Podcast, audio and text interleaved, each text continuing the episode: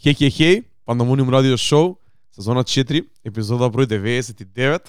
Здраво и добро дојавте во едно издание на нашиот подкаст. Јас сум Дарко Айрис Скреч и ова до мене е мојот човек Траче AKA Activity. Здраво Траче. Здраво Дарко, здраво Пандамониум радио екипа, се надам дека сте добро. 99-та. Ова е најблиското што можеме до стотка да бидеме. И многу сме горди на тоа. Да. Многу сме горди на тоа. Онака, три години цели веќе, 4 години пандамониум, битна ствар. Big thing. Big thing. За кој ќе збориме откако ќе ја чукнеме стотката, Апсолутно. се разбира, доаѓа наскоро, како што веќе знаете, се држиме до редоследот, иако рипнавме една недела, иако и преконата недела рипнавме можеби два дена закаснивме со а, 98-мицата, исто така две недели закаснивме со Пин Спешалот, али полека правиме кетчап на стварите и успеваме да да објавиме се со колку толку на време пред да биде предоцна и а, со оглед на сите лични обврски, професионални обврски и се друго, мислам дека се држиме добро сега за се четврта сезона и како што кажавме 99 99 епизода следува стотката е следна најблиску што може да бидеме до стотка и тоа е до некој огромен милстон за нас. Денеска сончев ден у декември, малце полежерно почнавме, малце покасно. Муабет че малце предходно многу се чувавме главниот муабет за пред камера, за на микрофон, за да може да споделиме со вас бидејќи тогаш најдобро ни иде муабетот која нема нешто премногу зборено однапред туку онака баш на прва се и кажуваме стварите и владиме искрена реакција и а, одговор на тоа и така нај најмногу најлесно тече муабетот. За тие што не знаат, прошлата недела бев на концерт на Брна Бој у Антверп. Еден од моите бакет лист моменти за последниве 3-4 години, конечно го испунив и се вратив му четвртокот саат и нешто зборев за концертот на Брна Бој во, во, во Антверп и целото моје патување на Белгија и сите ствари кои се дешаваа пред и после концертот. Така да ако ви интересира тоа, би сакал да го чуете да го видите, бидејќи неколку луѓе ме праша оваа недела кога се видов во некој град или некаде со луѓе како се помина. Што ми викаш? не викам. подкаст? Саа време зборевме на подкаст. Како ако сакате да чуете најдип, Еве ти линч. check out my mixtape. Like, share, subscribe. Значи, ама буквално тој мавата дека подлабоко тоа не можам да влезам. Да, реално. Ако некој ме праша у станица или негде или у МКЦ како си помина на Брнабој, ќе му кажам топ беше брат, екстра. И тука завршувам мавата така. Да. Не можам да да влагам подлабоко таму. Затоа сите им викав као цела емисија зборевме за тоа дури малце полого што требаше кога слушав ја назад. Нага се викам добро, стварно може да предлабоко влеговме, али мислам дека давав еден комплетен осврт на на моето искуство таму, не само за настапот на Брна Бој, него целата организација, целата продукција на самиот концерт, сите opening acts и се околу бидејќи уште на самиот старт на Пандамониум, еве сега кога више збориме за 99 за 100 тој беше нашата една од главните цели на на Пандамониум беше да ги инспирира и мотивира луѓето да идат на концерти, на фестивали, да ги исполнуваат своите бакет лист желби да поврзани со музика и со култура. И за тоа и толку длабоко сакаме да навлагаме и да збориме за нашите искуства таму, исто како што зборевме и за настапот на концертот на Леди Джуни, нашето патување у Германија, исто како што трајче ни направи неколку рикепс преконата година за сите патувања од Тинака, тоа е не е ние да се курчиме да се фалиме кај сме биле, него само да ги да ги кажеме нашите искуства према луѓето, да споделиме добри и лоши моменти, се со цел да инспирираме и да мотивираме луѓе да го направат истото тоа и да ги посетат концертите и настапите на своите милени артисти, макар и ако тоа значи по, поголем трошок за пат во странство и слично, ревордот е многу голем кога ќе се исполниш така некоја желба која ти е долго време на бакет листата и сигурен сум дека се- задоволството е многу поголемо отколку да ги потрошиш парите на некоја материјална работа или да ги онака малце по малце да ги трошиш стекот на целиот месец на небитни работи у Скопје или у градот кај што живееш. Факт. Токму поради тоа збориме збориме толку за тој бидејќи многу ни значи нас.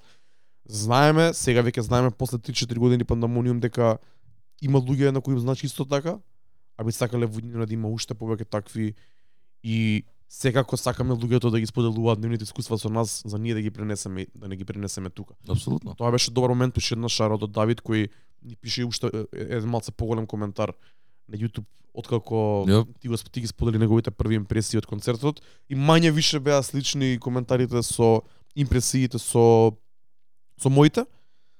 Се базирате го коментарот на YouTube ако ви интересира и како се поминал Давид во Берлин на Брна Бој 3-4 дена пред настапот во Белгија. чисто да ги споредите, значи дека мање дека отприлика тука се импресиите на луѓето бар на тие кои се фанови на Брна Бој, за кои знам дека и Давид бидејќи него African Giant и тие early, early works на Брна му се едни од омилените. Така да проверете го тоа, мене лично многу ми значи и се надам дека успеавме добро, дека успеав добро да го пренесам моето искуство и се надам дека ќе имаме нов концерт, нов фестивал, нов настап наскоро за кој што, кој што ќе го посетиме и за, и за кој што ќе може да збориме тука. Апсолутно и мислам дека тоа што го баш што го спомна дека знаеш онака а луѓе го сметаат за трошок. Разбирам дека е трошок, е трошок и за сите е, а, ама на пример ја годинава брат жртвував одмор. Жртвував плажа буквално за да можам да си дозволам да идам на на концертите на кои што бев као Трейдофот беше као Канвей Канвей за еден ден, мачење, 8 сати пат напред назад, ама брат, ќе го шкртнам од листа, ме разбираш, као у јак момент е вади нов албум, спрема нови ствари, пуп, го добивам West Side Gun, брат, на сцена, ме разбираш, заедно со него. Трейдофот, као, си исплати, ме разбираш, едноставно као тоа е. И мислам дека доколку си као доколку сакаш да а, да инвестираш во тоа пошто реално е инвестиција. Мислам, се инвестиции за искуство. Барем ја ја можам да кажам лично, ама и сметам и дека е Дарко Дагов сме луѓе кои што многу се хранат од искуства. Многу ни е битно да мене ми е лично многу битно ја да да, да искусам некои одредени работи. И тоа мене душевно му исполнува. Материјалното и не ме толку многу дира и заради тоа мислам дека поише ми е мене за да инвестирам пари у, у, у, у тоа, него ли у некои ствари кои што онака се миновни, ме разбираш, и заради тоа мислам дека и многу луѓе онака а се држат се и као окей, да, разбирам дека е скупа, не велам да и не се сите финансиски способни за тоа, но доколку правилно се менаџираат стварите и као и бараш и можеш и умееш да најдеш и као ако кому и да треба прашајте ме, ме разбираш као пет минути ми треба да изгуглам за да дознам све и као и летови и све живо идео и некако више кроз времето бидејќи го правиме ова веќе подолго време со со фаќање летови, со организирање цели тури околу артисти, како што и да правиме и све. Као можеш да најдеш и да видиш кај има најефтина карта за за концерт бидејќи движат цените горе доле од град у град. Кај има најефтини летови, некогаш летот ќе е пет пати поевтин него ли ваму што е 10 евра по, по, поскапа карта за самиот артист, па го правиш трейдофот дека таму ти е боле, дека авион можеш да фатиш. Или као и тоа ти дава секад шанса и да истражиш и нови места кај што не си бил, на пример, сега ти можеше пак да идеш у Берлин, ама реши да идеш у у Белгија, каде што може, може би си бил, може би не си бил, ме разбираш, као Искрено, летовите беа една од причините зашто ја одбрав Белгија, плюс ради тоа што не сум бил, али беа, беа многу ефтини, беа као, не знам, 10 евра управец, бидејќи имав и онаа дискаунт клуб, така да реков, добро, тоа е тоа. Идам на нула трошок, само странец, најниско што може да биде као, тоа е тоа. не е дека пак не потрачив некои пари таму за искуство за уживање, за пробување на храна и и други ствари, ама као тоа бе, тоа, значи го истражив, јако имаше само три концерти, немаше многу што да се истражи. Ги истражив сите три Како и да да. Ова из, изгледаше под наводници најефтина и најинтересна за мен у тој момент и реков као тоа е тоа. Топ. така. Тоа е. И заради тоа се надевам дека она ќе инспирираме поише луѓе да да го прават тоа што ние го правиме, доколку го сакаат. Нормално, ако аспирираат кон тоа и ако сакаат тоа да го прават, мислам дека како сме добар пример за тоа како како правиме и како го како како го организираме сето тоа бидејќи онака Последен пат ја и Дарко кога бевме сега на Лириджум беше сериозна организација да се искрен да до тоа за да видиме таму у тој вторник у Берлин онака Да. буквално. Имало и други моменти, брат, ја кога сум минал, баш се потсетив со другариве кои бевме на финале Лига Европа во Базел. Онака идевме исто со ефтини летови со визер, али као не ни спиевме никаде, туку преспавме на аеродром. Беше едниот лет беше пример да речеме сред, вторник са бајле или четврток са бајле. Другиот ден беше петок попладне. И ние стори четвртокот ако беше финалето да речеме. Да, Четвртокот стигаш попладне, цел ден утакмицата, вечерта само се враќаш на аеродром, пиеш. спиеш, дремеш, нешто се снаоѓаш. Тоа. Утре дента излегавме, прочетавме низ градот, јадевме нешто, се вративме на аеродром и се вративме тука. Значи као 24 часа без спиење, без ништо. Тоа е тоа. Тоа е тоа. In and out. Најефтино што може поминавме као немаш немаш Нормално. голем голем трошок како Швейцарија скапа, се разбира за смештај. Тоаш можеби немаше немаше да се најде, па за тој го направивме тоа. Али сакам да кажам дека уште една работа дали си спремен, никогу си спремен и да жртвуваш од она, од спиење, од можеби ќе треба патуваш поише кај некој подалече на аеродром и слично, Така. ама на крајот денот вреди за работите кои кои сакаш да ги направиш, зависи колку сакаш да ги направиш, се разбира. Апсолутно. концертите се big thing за мене онака такви искуства, онака имам буквално чеклиста кај артисти кај што сакам да ги видам, сакам да ги поддржам на, на еден или на друг начин. Најчесто концерти да ги идам на концерт да ги гледам уживо е као примарниот. Па брат, тоа е најбитниот. Тоа е од, од уште од времето како најважниот начин на подржување на Да. и на спојување на подржување на артисти и спојување со еден артист бидејќи музиката е секогаш од, од, од секогаш била направена да се изведува во живо.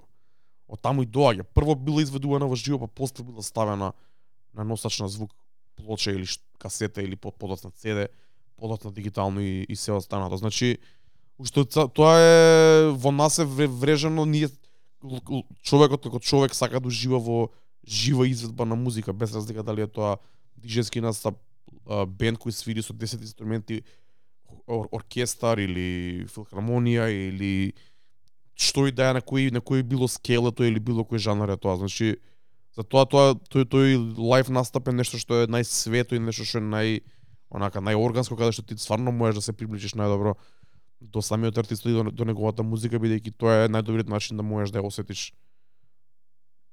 директно во тебе, од во блиска атмосфера, во интимна атмосфера. Чија чуда прави. Така? Ме замисли, ме, ме лупна од земја моментално, искрено ти кажам, каква мисла уствари кажа се. Многу добар муабет, да, ме замисли многу и управа си. Управа си. Зашто? Она, ме, ме зам, па стварно е така, брат. Мислам, кога ќе размислиш, Ерит Скор е така. У своето јадро е така, музиката е буквално то таму е, не, тоа е единствениот мегафон на музика, е како лайв настапи каде што така се ширела музиката, не постоело порано ништо и тоа е многу мал као од у, у спамот, она у целиот спектар на, на, на човечката историја дигитализирана или било какво снимање на музика, аналогно или дигитално снимање на музика е како не 100 години, 100 брат. години, едвај. Да, 100, 100, може би малце повеќе, ама да, 100 години. Реално, да.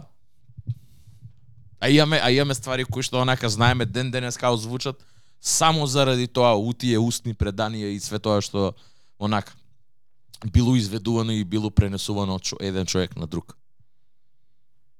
Харт? Многу добар муавет, ме замисли многу кога сме веќе кај лайв настапи, Предходниот претходниот пат онака како сакавме да го спомнеме и изумивме пошто зборевме сати по забрнавој концертот. Се забркавам.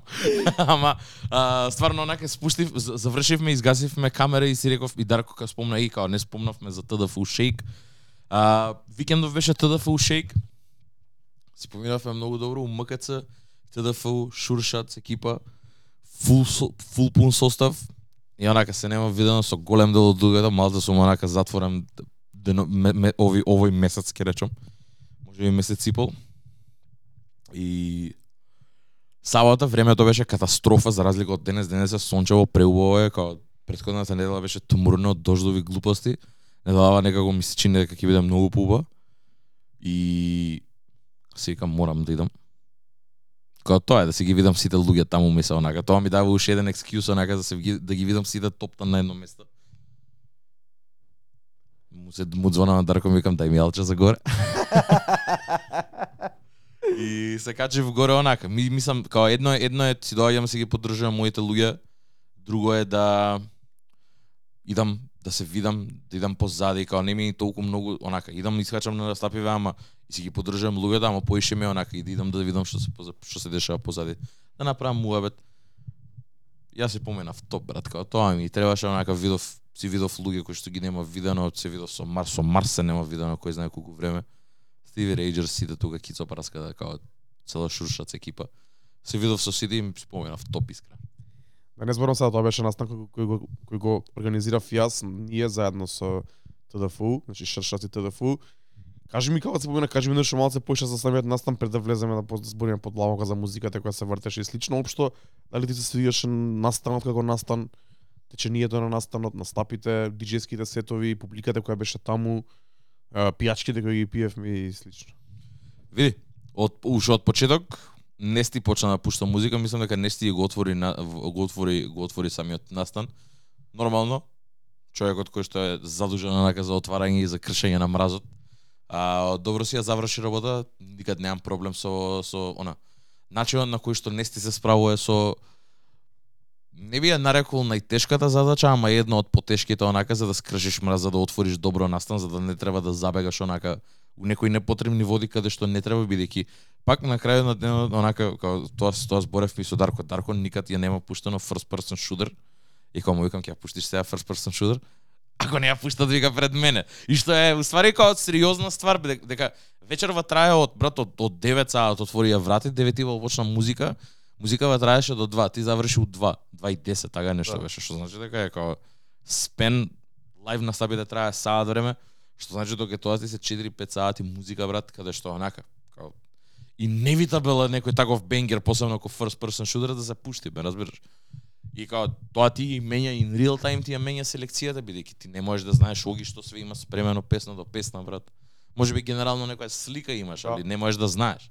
И сега е интересно да видам као DJ се справуваат со тоа онака и као влагаат бидејќи треба да си тоаш креативен, не, не треба да повторуваш песни онака што предходно си имаат пуштено и све тоа. И интересен начин.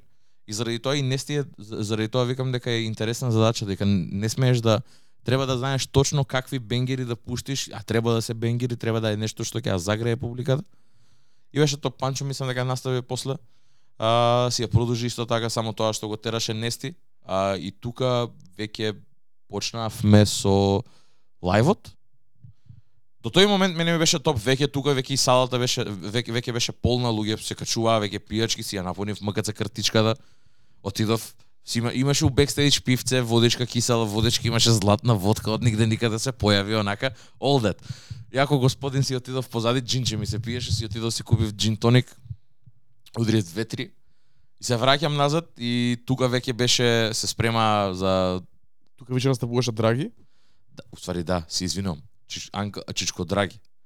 И онака со да, да Драги имаше многу интересна селекција, брат. Тоа само зборав на Дарко на самиот настав и го зборев и со Драги после тоа дека као има песни кои што мислам за луѓе кои што не знаат а и кои што ете може, да може ли немале шанса као да бидат дел од тоа, ама та Трап да фага, Up ќе збориме за тоа. Трап да фага постои од 2014 година и е колектив кој што онака е правенец во сето тоа што се дешавало во културата во тој момент и као уш, драги уште од самиот почеток секогаш и посебно понатака како зборам 2016-2017 селекцијата му стануваше онака смешна, ама на позитивен начин. И тоа му го кажав и него, бидејќи има некои ствари кои што само може драги да ги пушти.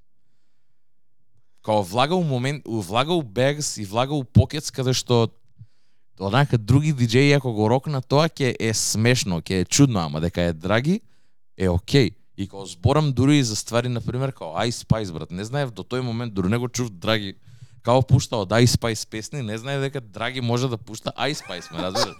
И после ми беше природно и му, му отидов и после тоа му реков викам брат, ако не си ти овде нема кој да ги пушта тие песни брат, као не ми одговара никој. Панчо ако го видам, ме разбираш на таков стејч, а не зборам му било кој друг сетинг, ама као у склоп на целиот спан на артисти, драги е тој кај што би би ги тие, ме разбираш, као на пример не И онака као луѓе и се забува и имаше добар се пошто влезе и у скепта, влезе грайм, влезе даб, влезе у некои такви поише моменти као пушташе драмен бейс на еден момент. Имаше ч- по по поразлична она по селекција што Драги го правил since way back. И беше добро, и беше таман. Тука влегува веќе Кацар, кои што беа негови гости, беа гости на Драги, Кацар и Джоле. Ова е веќе малце поонака раперски, значи Кацар е реално ветеран у македонска хип-хоп сцена, кој што онака на еден начин го има прифатено тој нов звук своевремено онака 2017 2018 па и се до ден денес се уште соработува со Драги и работат на нова музика и е активен музички ама има има добри ствари кои што на пример и во времето и на она МВР СВР која беше и со синката која беше поактивен и која вадеше поише траки а, од тој тип зборам за трап трап она да, тоа да, да. што ние го знаеме као 2016 2017 па 2018 Ени, и доста порано токсиколози има О, да, деф, а, трап инфлуенс продукција и начин на рапување и тоа е нивната конекција со Драги како нивен да речеме кор продуцент и диџеј кој тоаш постојано настапуваше на драм and bass журки на трап журки на дабстеп журки низ Капанан, МКЦ, сите други места кои се појави измеѓу и мислам дека тоа влијание беше евидентно и они беа таа генерација по- првите кои као рапери го прифатија тоа и тоа не е онаков класичен трап звук, него трап инфлуенс звук кој Да. поише доаѓа од бас и поише доаѓа од драм and bass и од таа. UK сцена. се тоа направено многу добро прилагодено од Драги да звучи многу добро и тука. Се сеќавам на песна, ако не се лажам, од Сиги, кој е исто така дел, дел од токсиколози, која ја грмевме уште на првите Trap the fuck up журки која ми е на томилените. Мислам дека мислам дека знам за која песна збориш, ама нема нема да се сетам како се вика и онака да ја мелодизирам во ум. сега јас на насловот, ама ми текнува прилика на текст. Да. И беше многу добро, интерес ин, ин, интересно. Имаше еден момент каде што онака драги си си си, она, си флексна поштено. А, усред сет усред сет, не знам као ја измикса и као стигна до таму, али ја пушти бонус трака усред МКЦ. Као веќе салава беше упунек, луѓе се забавуваа, беше си, беше си беа сите dialed in онака. И као ја рока, ја рока бонус трака. И само Драги може да го направи тоа, пошто Драги е продуцентот на на бонус трака. Мислам дека го имаме зборено тоа овде Сигурно некаде низ, да. низ овие 99 епизоди, мислам дека го имаме спомнато, али Драги е човекот кој што има продуцирано бонус трака уште 2006, 2007, 2008, кога и да е бонус трака, као многу млад продуцент, а, уш, а и онака реакцијата беше исто така голема, као луѓе се забавуваа на тоа што реално као Реакцијата беше брат ненормална. као онака чудно е, ме Мислам разбираш? дека беше неочекувано за луѓето. Неочекувано, ме никој ја, ја ни- никад. I would never, ме разбираш? Ја не би очекувал дека бонус трака ќе се појави на на таков настан, ме разбираш дека као не е ни двајбот, ни ништо, ама не знам зашо ми легна таму, ми беше смешно, онака, Драги добар си ја момент беше. пушта таа на ТДФ настани, мислам дека и на негови настапи општо си ја пушта, само што сега, на пример, демографијата е сменета од тоа што било, пример, пред ковид. Луѓето не знаат Да, дека Драги ги па има тоа да. направено битот и и може би не очекуваат и не ни знаат дека може тука да влезе. Плюс се друго што врти предходно, како што кажа ти имаш и Ice Spice, имаше Skepta, имаше се, е многу подалеку од Тоа. од тоа. И ова па е како гром од ведро небо на позитивен начин и онака Тоа, луѓе тоа, ово тоа. се избезумија сите брат. Ака, луѓе word for word и рапуваат бонус трака, ме гледаш, ме разбираш. Неко 18 годишно дете качен на решетките, имаше еден, еден таков брат кој да си поздрав, онака како влага и само почна да ја рапува збор за збор, ме разбираш. Многу добро. Многу. Качар си ја завршија работата феноменално, многу добар настап, многу добар стейдж презенс, онака и без разлика на дека и он е малце и, и она повозрасен, публиката беше многу помлада, вајбаа со него just based of energy, дури и да не ги знаат одредени песни. Со енергијата вибрираат и многу добро си ја завршија работата. Од тука веќе се префрливме на она, као само продолжи лайв шоуто каде што ТДФУ имаше а, она, еден арей на, на, на артисти. Секси Марса, нашиот човек Секси Марса беше хост на, на тоа лайв шоу и беше као поише на еден начин направено као еден шоукейс каде што се појави секси а, настапи со Саке која што е undeniable она МК трап бенгер дефинитивно.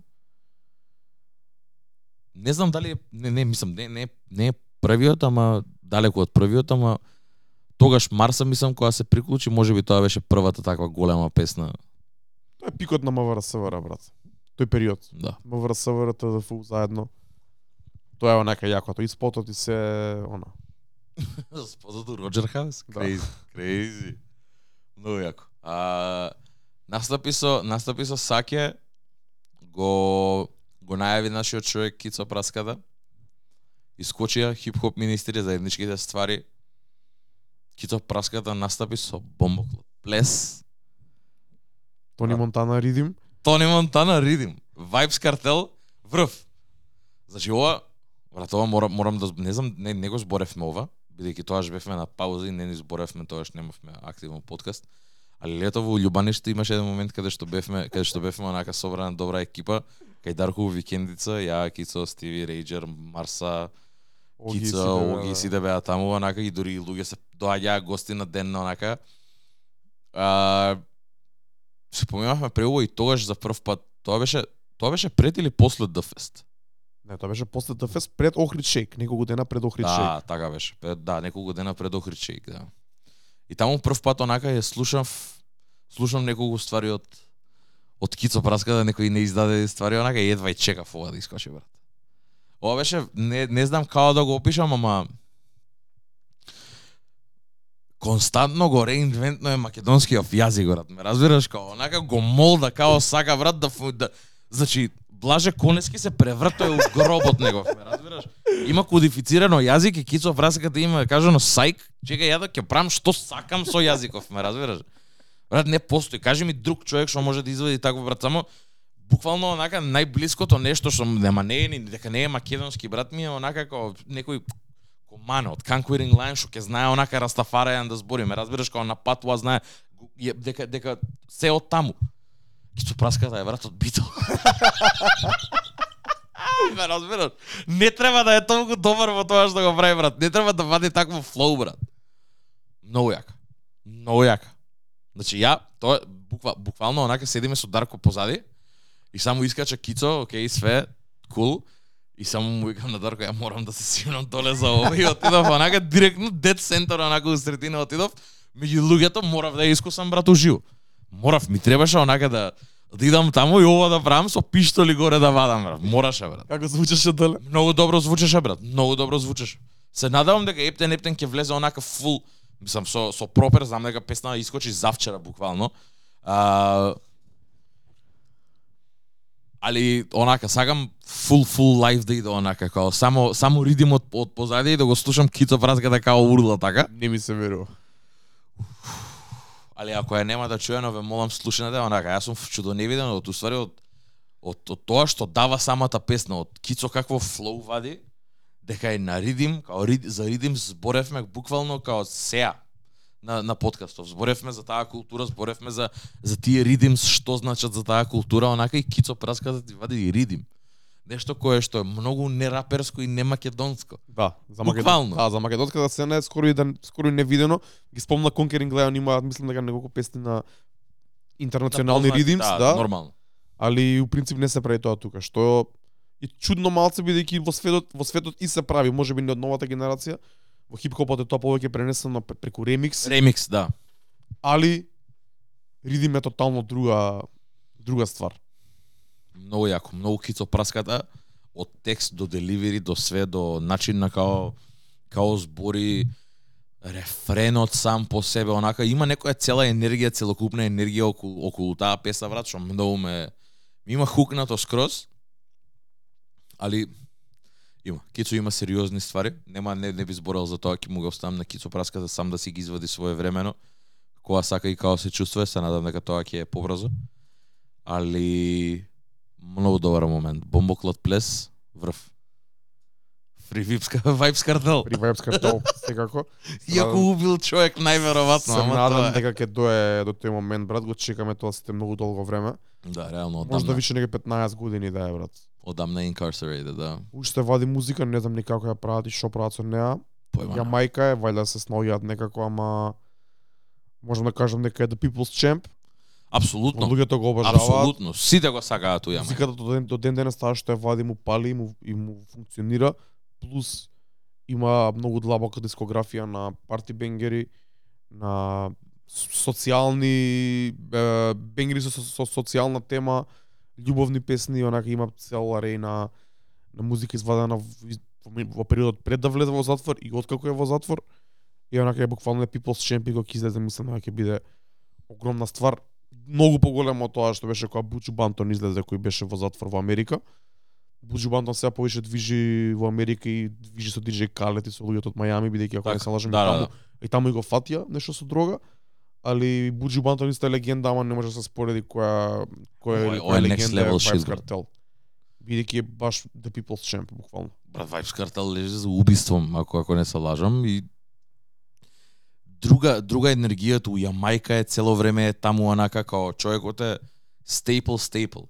Као дури не не е на не е да numbers guy. Ако може би гледаш по бројки, искрено не ни знам како иде тоа таму. Гледај, е па тоа таму е малце чудно бидејќи таму сега Spotify влага, слично како во латиноамериканските земји, слично како и во африканските земји, слично како кај нас.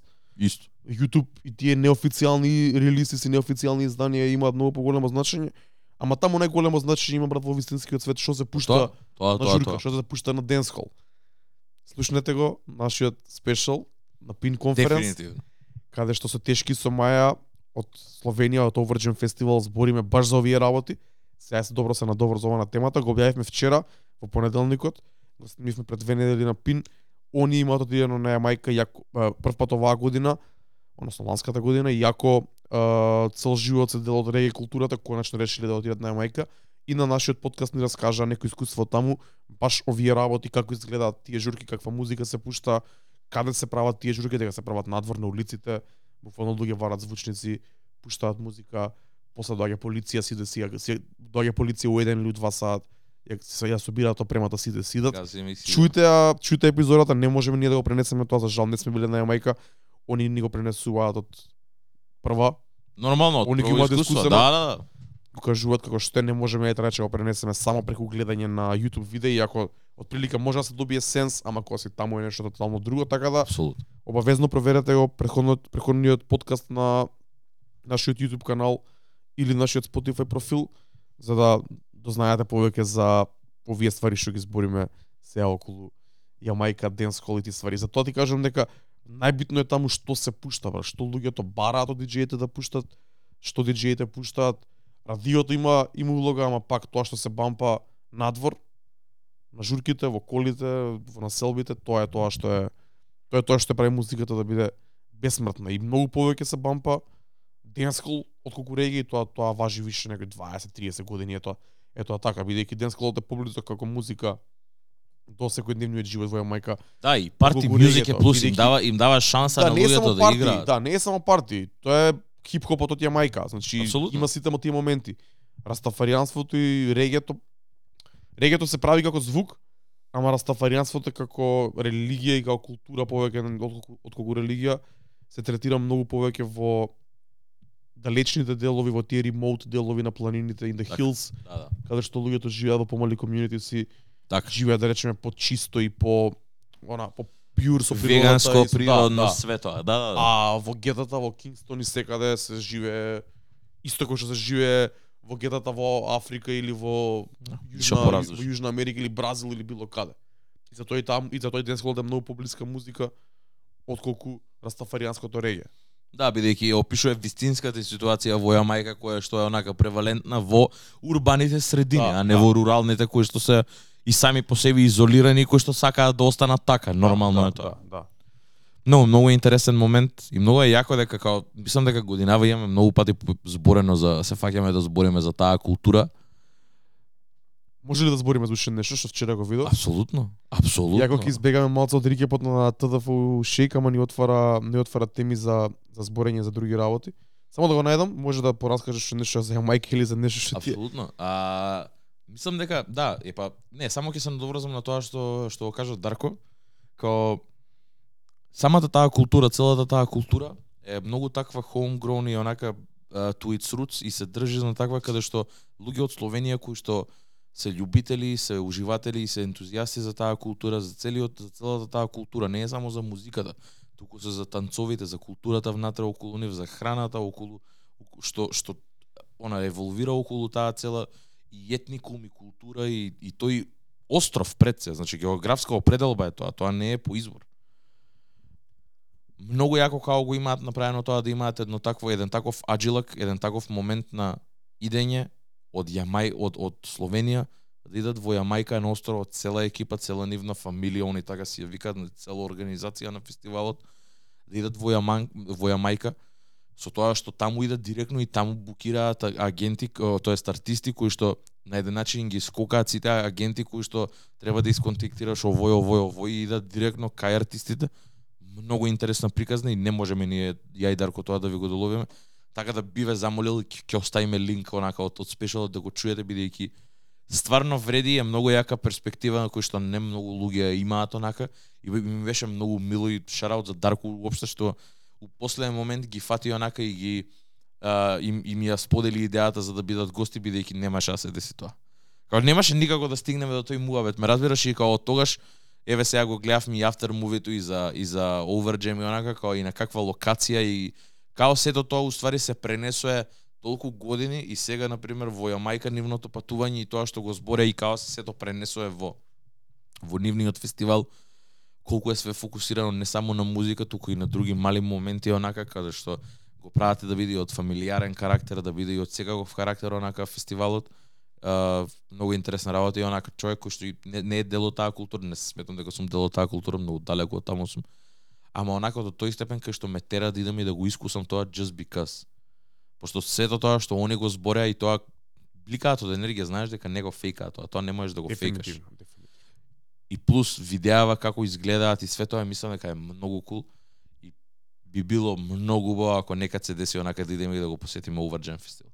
Баш би сакал. Посебно дека и онака веќе се знаеме со со самите организатори, мислам дека онака ептено ако имаш first hand experience, ме разбираш, не као не као и ко, ко тоа како туку онака чисто да идеш и да, да ги упознаеш стварите они што ги прават, ме разбираш као first hand. Ние да го имаме тоа искуство они што го имале кога отишле у Јамајка, ама ние да го имаме за нивниот фестивал да, да, да. такво, као ова ова го правиме jerk chicken да јадеме све тоа, ме разбираш дека и за тоа зборе ако отишло таму за да учат и нашли и жени кои што ќе може да го прават тоа, луѓе кои што се онака ентузијасти и ќе прават таква храна. That's it. Така се третира култура, така се третира музика пред се брат, за било која култура.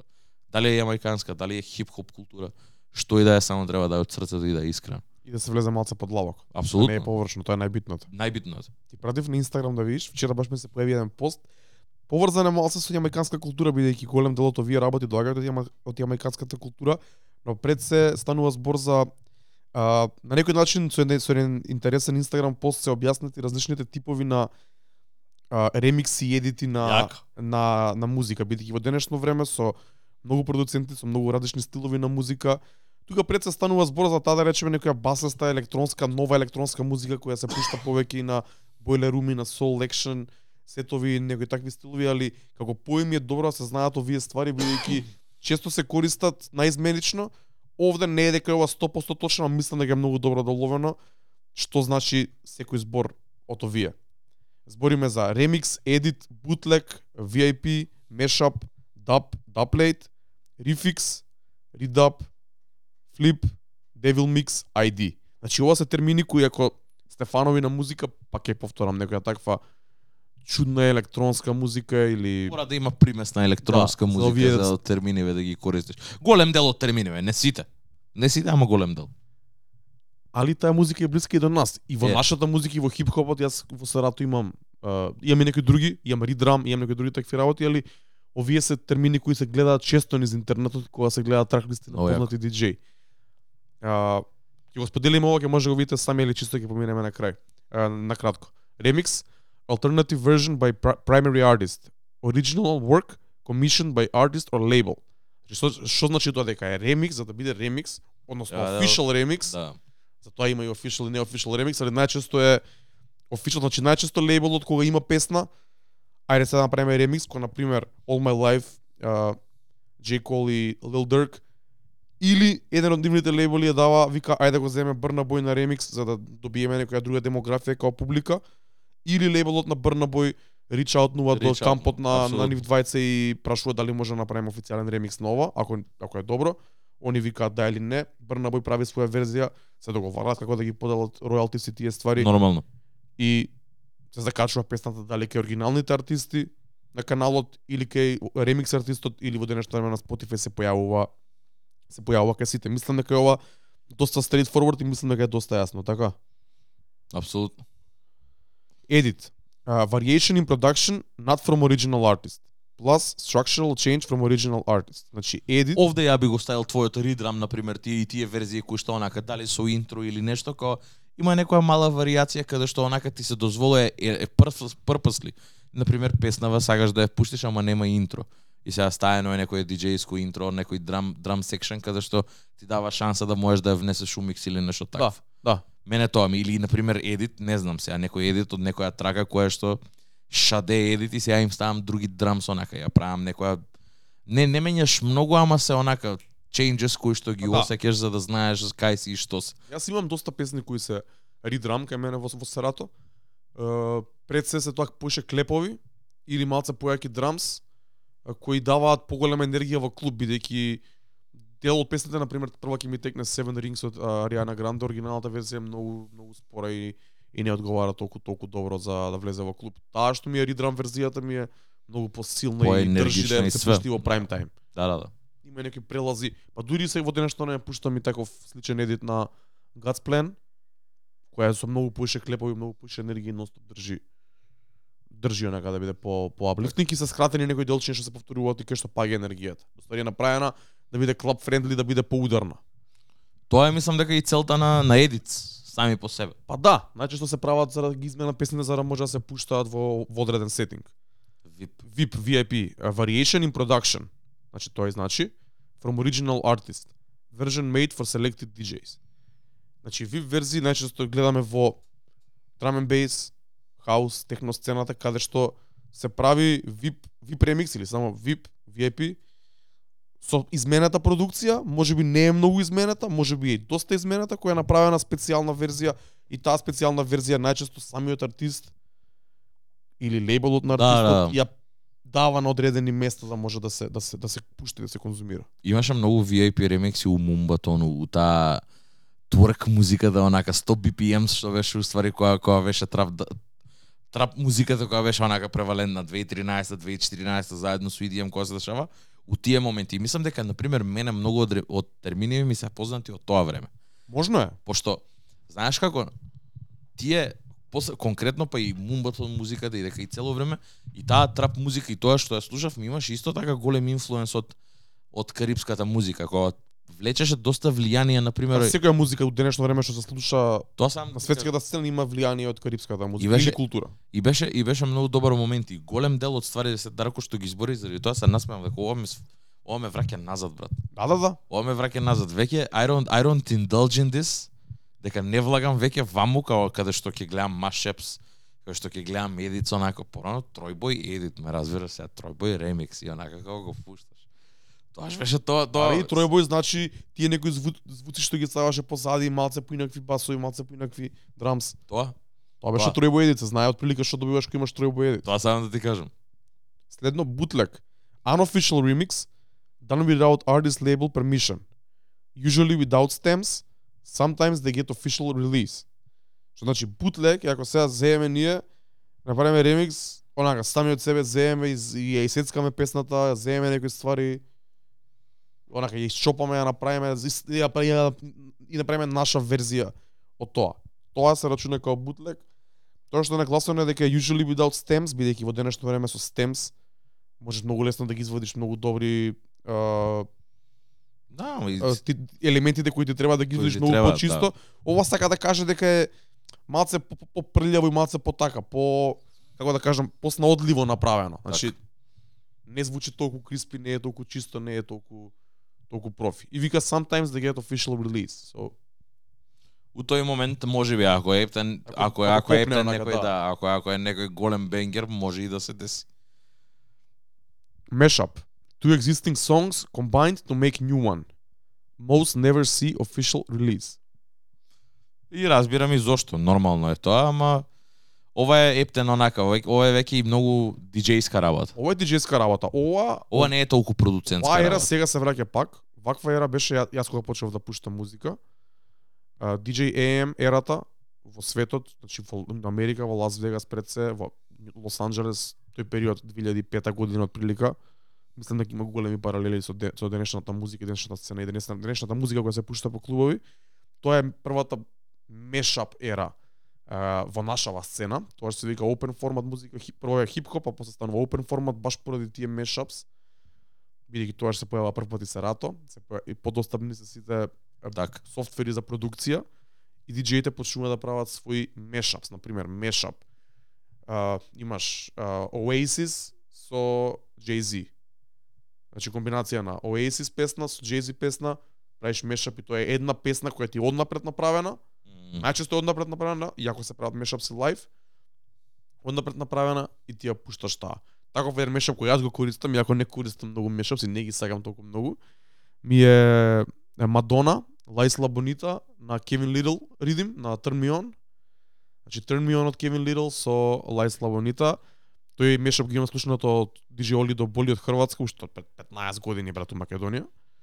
И уште тогаш го имам земено некако, вајде Панчо ми го има дајано и од тогаш До го ден имаш. денес го пуштам, брат, и ми е кеф да го пуштам, бидејќи ми се песни кои многу добро ми легнуваат некако, јако не сум чак што пуштам Мадона, брат, не немам друга песна од Мадона у Сарато, Let me hold you.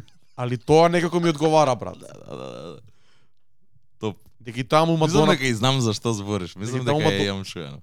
Дека таа Мадона пее за Лаис Лабонита, значи се нешто екзотично за нешто такво, и за тој толку добро ми одговара во вајбот на на Кеми Лидл и на целиот тој блок на музика што го пуштам наоколу. Иначе има диџеи кои нонстоп пуштаат мешапс. Јап. Периодов сме сведоци на многу TikTok мешапс, многу YouTube мешапс, како што беше мешапот на Pop Smoke Dior со онаа српска на стара песна. Од Халид Бешич или што и да беше тоа. Да, нешто, Нешто такво беше да, лудо, да, да, да. Сам имав една Значи- вечер кај што заглавив на такви ремикси и не ми беше јасно што кур се дешава. Али тоа е мешап, као ги две песни и ги Да, и спојуваш ги спојуваш, да, и функционираат уствари за подобро или за полошо. Е па гледај, кога се прави многу често и кога се прави без вкус, многу пати не функционираат, ама некад знае да изфункционира многу Да. добро, како ептен се погодат, ептен се погодат песните. Така. Интересна ствар е. Ама ја ја поише би го поистоветил со диџејска работа, него ли со продуцентска, проду, пошто продуценти немаат такви инсентиви. Мешап се направени за да постигнат нешто. Ме разбираш у смисла као да извадат некаква реакција одредена или нешто да направат. Заради тоа поише си поише имаат имаат мене смисла да бидат пуштени. Као не ме разбираш, као ти си диџеј сам си даваш своја платформа да го пуштиш мешапот. Твојот мешап е твој као кој што исто, исто каже, Орли до боли сега и као гледаш ти се сеќаваш на тоа. Да, може- дефинитивно. ако не го спомнеш, никој немаше да знае, ама тебе ти знаеш од кај доаѓа точно, ме разбираш? И заради тоа мислам дека онака по диџејска работа него ли продуцентска. Dub version with stripped back vocals.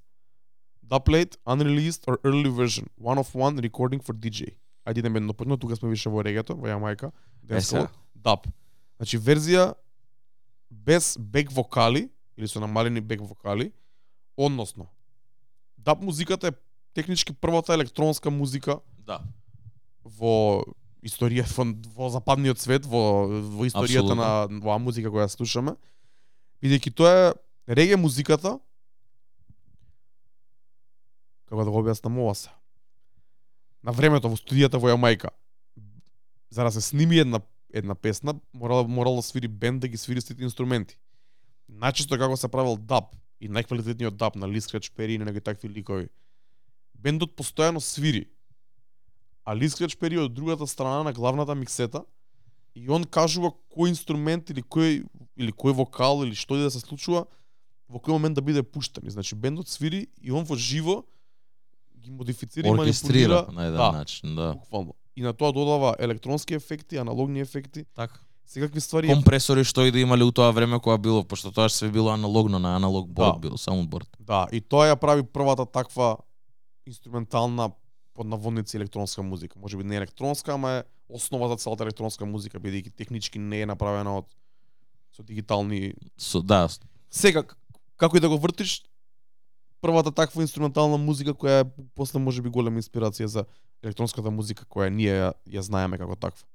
Во денешно време даб значи најчесто не, не, не само инструмент, значи не инструментал, него е даб, значи најчесто, не се слагам баш со ова, најчесто е некоја верзија кај што се појавуваат некои вокали, ама е повеќе слична на инструменталната верзија. Така. Ова, ова е многу ја никад не сум не, никад не сум навл- влегол у, у даб музика, ама као знам точно онака имам не имам слушано, ама ова ми беше чудно. Сега ги гледам, на пример даплейт дефиницијата следна што е, Да? ја не ја, ја, ја немав дефиницијата у глава. За, за- дека е тоа даплейт. И сега сум збунет. Добро што мислиш ти дека е даплей? Па за- Ова е, ова е моја мислење, нема врска, чекај. А, брат.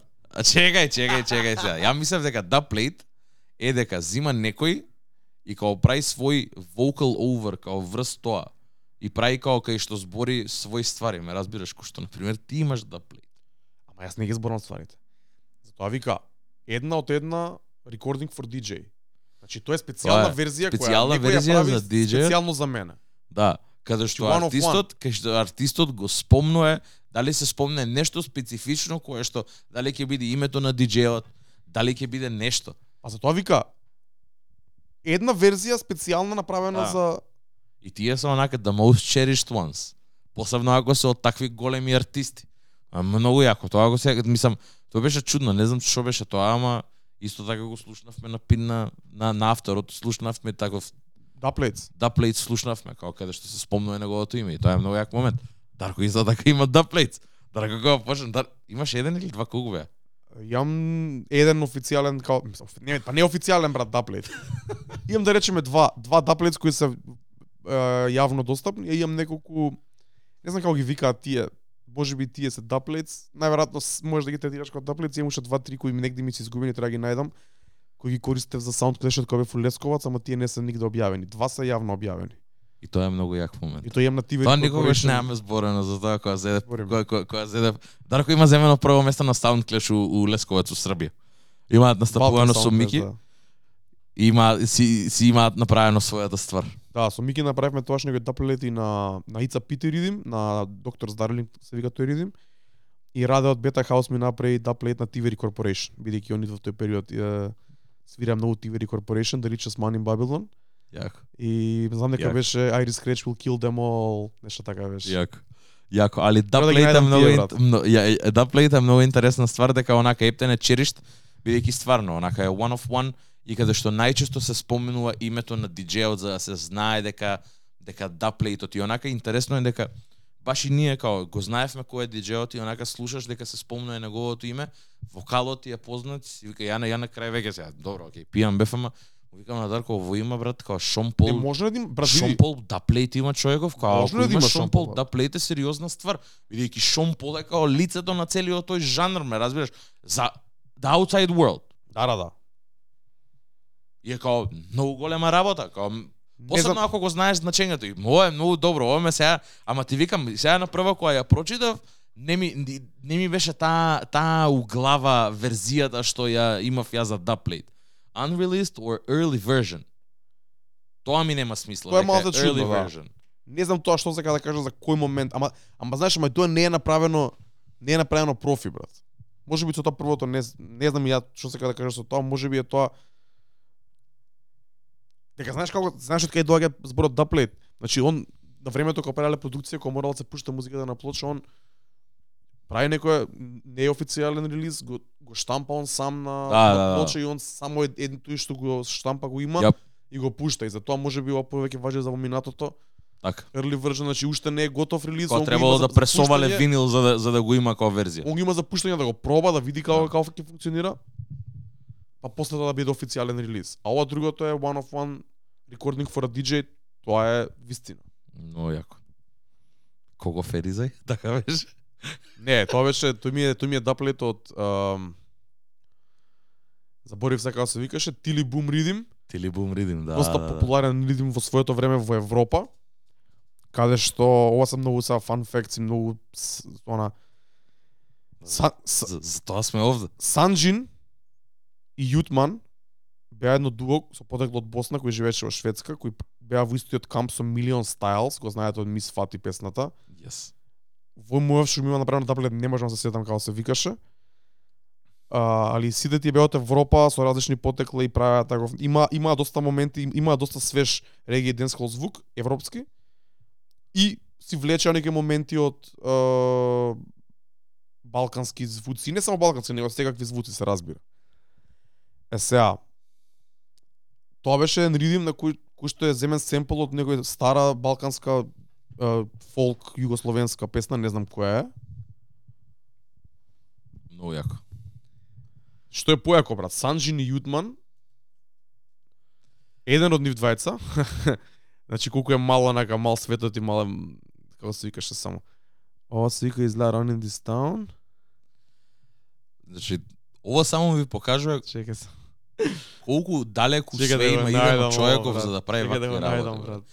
Не, не, не. Де, треба треба ед, една еднаш брат ќе посветиме една епизода на на, на вакво на твојот DJ ран брат со микстейп ранови со со све брат, пошто мислам дека не многу луѓе го знаат брат патот што го имаш изодено, искрено ти кажам. Као тоа ми беше мене многу јако брат. Ова ова, сега инаку што го збориме е 2011, don't get it 2012 овој ридим изведен го Don't, најдам. don't get it twisted, ме разбира, 2011-2012. Деца бевме уште тогаш. Стварно сме биле многу млади, брат. Да, бе, имале брат. 19-20 години, брат, сме биле многу млади, брат. Дарко Ова е- пуштал у Фериза, ме разбираш?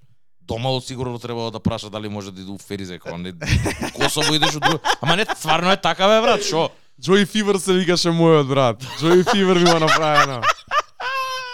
Shout out to Joy Fever. Брат. Joy Fever, Jugo Rhythm, брат, има Jugo Rhythm неколку верзии на Rhythmот Много И јако. дека има многу артисти направено на него, има као Иберија, значи само шпанци што имаат правено, има Worldwide, каде што има луѓе од цел свет кои што имаат верзија на на ридимот. Многу, многу добро. И муабетов ми беше дека тоа тоа уствари заради тоа оставам на Дарко да збори за овие работи. Дарко е многу по навлезен во сето тоа и кога ќе кажам потекнува од таа сцена, стварно потекнува од таа сцена. И од секогаш му било многу битно да ја задржи, да има да има допир со таа сцена и мислам дека заради тоа намерно и го спомнав ова дека уште уште, уште тогаш кога онака се каравме за Дрейк и онака го ко луѓе сега што го бранат Кања за неговите глупости ние го браневме Дрейк и неговата музика, што не беше ни контроверзна, само беше нова и модерна. И не беше прифатена од луѓето кои што во тоа време пушта пушта и беа активни на сцената. Ама покрај тоа мораше да постои и ова. Дарко мораше да по- да си го направи за да може да се го постави да се го постави и ова, за да си ја одржува таа култура и тоа школо кое што му било даено од Гето Руди и све тоа и и таа таа таа култура од каде што и тој примерно потекнува за да ги спои за да си најде и заради тоа ми беше битно да го спомнам, за да му ги дам цвеќињата на моето братче бидејќи онака како стварно е ако не збориме за џабе за за за за, за карибс за карибска култура и за за Јамајка и не збориме за џабе за џабе за даб и за светоа бидејќи и There's levels to it, ме разбираш, онака Дарко навлезе сега и, и, и, на, и на Rabbit Hole, на сред подкаст почне да чита ствари. It's getting crazy. Пази го описов, брат.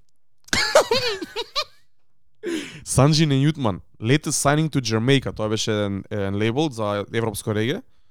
Uh, uh, Germany, Jamaica, Jamaica. Uh, Bosnian immigrants to Sweden combine reference to their eastern heritage with the urban sound surrounding them living in the western world. Their debut single, Running This Town, giving a humorous view on their self-image and origin, culminating in the punchline, let me tell you about the place that we come from, the place that European gangsters get gum from. The mid-tempo digital dancehall instrumental marks the arrival of the new Jamaica rhythm called Yugo, which will be released shortly, uh, shortly featuring the likes of Las Balcanieras, Million Styles, Gnucci Banana, Joy Fever, Serosi, Tom Hype, and more. It was produced by group member and Sing J Emir Jutman Kobilic, delivering a blend, a perfect blend of authentic sample from the Bosnian 80s music and up to the time dancehall beat. Тоа е тоа, брат. Е сега, Јутман, знаеш кој е? Истиот човек. А. Оној Салваторе Ганачи и DMD DJ-от? Не! Е, тоа е, брат. Истината да? Истиот е. Како бе, Е, брат? тоа е, брат. Е, па Бос- тоа е. Босанец е тој? Па да, бе, брат. Не. Е, тоа е, брат. Значи, тоа ти кажувам. Значи, Levels. многу е се онака... Levels, брат.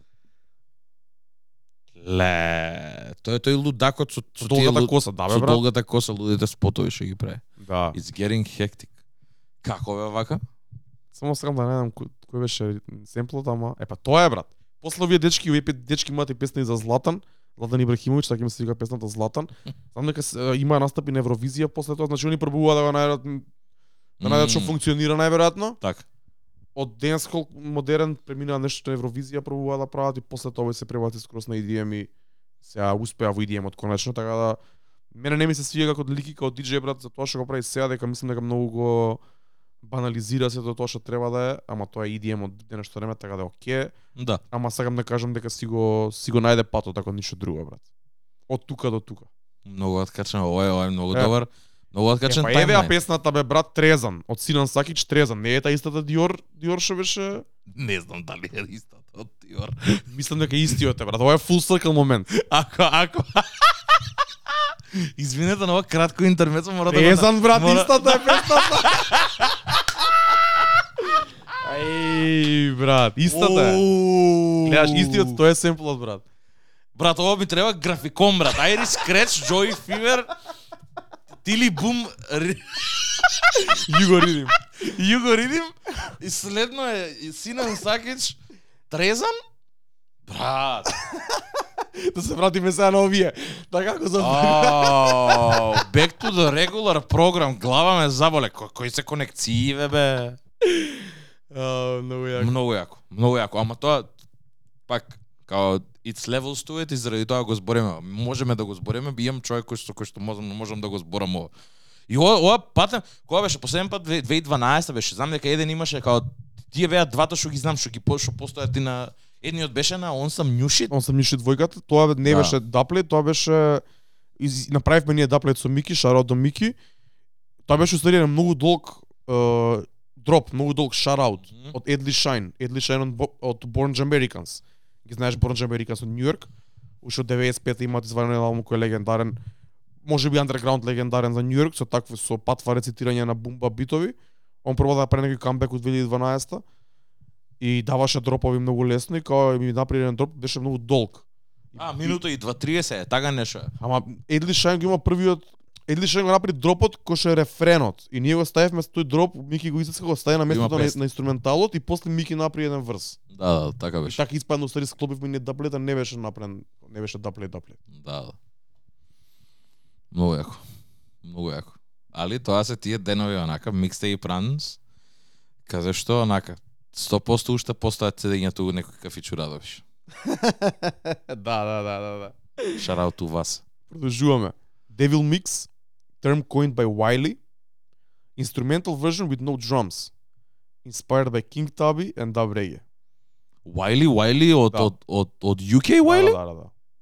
Devil Mix, instrumental version with no drums, inspired by King Tubby and Dub Reggae. Е, немам таков пример. До сива овие имав пример онако у И глава. мене не ми текнува, ова Ама ова Devil, ова Devil Mix, deep. ова е Ептен, Ептен Дип валја, Ептен ова нешто, кој знае што. Ова е најверојатно за рецитирање бидејќи ако е грајм, Да, ако е крај не треба. тапаните се многу силни и најверојатно. Devil Mix е као без нив за да може да се, да се рецитира врз нив или да може да се долови поише поентата на текст. Да, и дава поише поише простор за за грајм артистите да си го изведат своето флоу, пошто реално британци и стар грајм, Ова сигурно збориме за 2000 и за малце порани ствари кога грајмот уште било онака early stages и кога она бил као поише као рецитирање, рецитирање не било снимање. Мислам можеби и заради тоа поише е као таква као лайв верзија онака кај што намерно е даено за поише простор да има самиот артист да рапува. Али немам референца, не знам што е Devil Mix. Ја го имам видено вака као, као текст дека стои да. такче дека Devil Mix, ама не, не, не сум толку упатен во тоа. И за крај ID, online short form for unrecognizable or unreleased song. ID plus duplet sometimes mean the same thing. Значи ID сега со новото време со како што кажав со Boiler Room, со Soul Action, со сите сетови од фестивали кои ги имаме на YouTube и сега низ интернет луѓето пишуваат минута ID прашалник или луѓето кои прават траклисти ги прават траклистата и песните кои човек не ги знаат, пишуваат дека е ID, дека односно не ја знаат. Не знам зашо е ID, али треба да е нешто друго. Во смисла некој да ја идентификува Да, вајда, да, као да. тоа веќе си имаат измешано термините.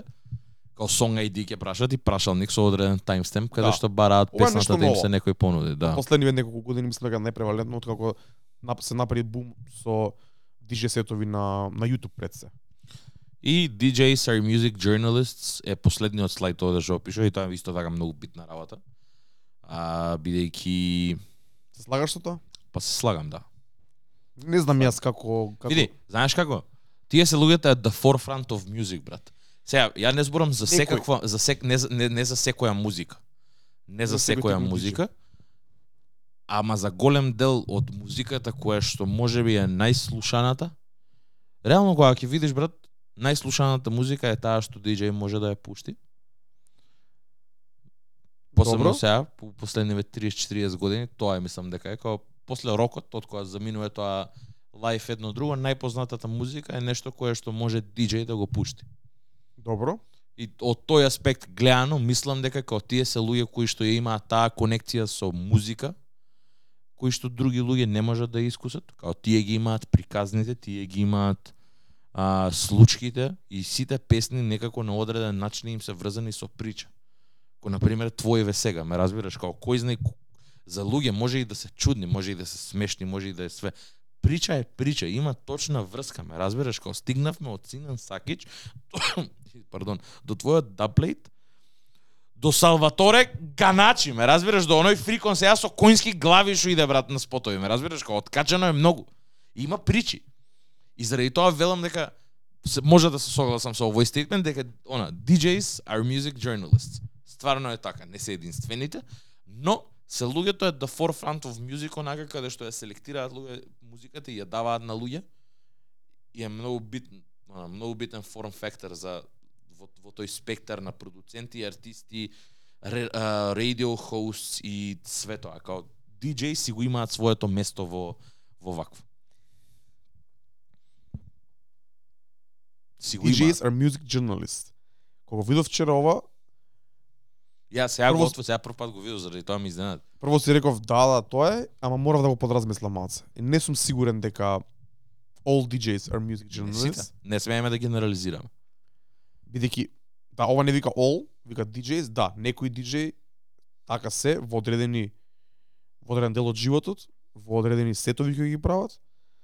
Ама зборот DJ е многу широк и не може да се стави една да се стави една капа или еден чадор во сето тоа. Нема бидејќи- дефиниција за тоа, да. бидејќи постојат секаков тип на DJ, DJ кои пуштаат музика на радио, DJ кои пуштаат кои прават микстейпи, DJ кои пуштаат музика во резидент DJ кои пуштаат музика во барови, во клубови, фестивалски DJ, интернационални DJ, тур DJ, има тука многу подстилови и различни функции на DJ-от како како DJ. Тури во Македонија има можеби го нема целиот тој спектар, ама има голем дел од од тој спектар и различни не се тоа левел само на популарност под наводници, него различна улога и различен тип на DJ Ја би рекол улоги, не се, Улога. да, ја би рекол улога.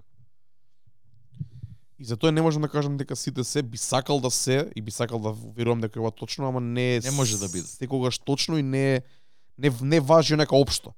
За оваа сцена од каде што дечково доаѓа и Soul Action сите тие нови бранови нови добри добри моменти во диџејскиот свет. Да, важи тоа и мислам дека треба да се третира тоа, да се третира музиката така, посебно ако си фан на музика и посебно ако си фан на култура, треба да го третираш тоа така, треба да ја ставаш на мапата музиката која мислиш дека е добра, да даваш лајт. Раз, разликата е што во журнализам најчесто треба да објасниш зашто е тоа така, овде не објаснуваш зашто некоја песна ја пушташ, туку само ја пушташ. Значи не е целосно не е целосно правење на осврт или целосно вековечување на музиката, ама од друга страна со тоа што јас ќе се земам сам за пример, во историјата во, на, на моите 10 на 15, 20 микстейпи кои ги имам изведено во кариерата, имам ставено песни, ги имам Колку? имам Колку? 20? Ова за Gucci Mane number, Ама- сега да ти не, кажам. Не, ама сега брат во ковид извадив едно 10 7 8. А претходно сум варал по 1 2 3 годишно. Може би повише од Аз 20. ти викам, че сериозна бројка. Сериозна бројка, Gucci Mane number се тоа. Gucci Mane number се Е, тоа. DJ е друго брат, моја полесно. Апсолутно. Не се Не се станува артист спорт. микстейпс, Да, да. да, дефинитивно. А сум сум овековечил одредена ера, одредена година, одреден момент со песните кои сум ги ставил на микстейп. Дефинитивно. Тоа да. И сега во денешно време музиката што ја пуштаме или сега кога ќе вратиме некоја стара песна во ротација, текнува на, на одредена ера која сме ко- која во која си ја слушал таа музика кој одредени Не само DJ на ера, некад ме мава и на на одредени момент, моменти, брат. Да, да. Тоа е точно. Тука да, ама тука се тие моменти диџеите што го пуштаат тоа да, после може ќе те врати, али повеќе мислам дека важи тоа кога е ста- кога, кога е направен микстейп или микс или оставен е оставен е печат, Мгм. и тоа не само дигитален, него и принт печат за одредена ера преку тие песни.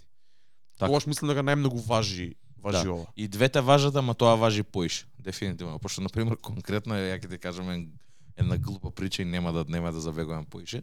Хавана 2016-2017 можеби. The Fuck Up се дешава, Мартин пушташе тогаш со тебе. Каде Хавана. Старото Хавана, у, у ова што е кај, кај Брос. Како се викаше тоа?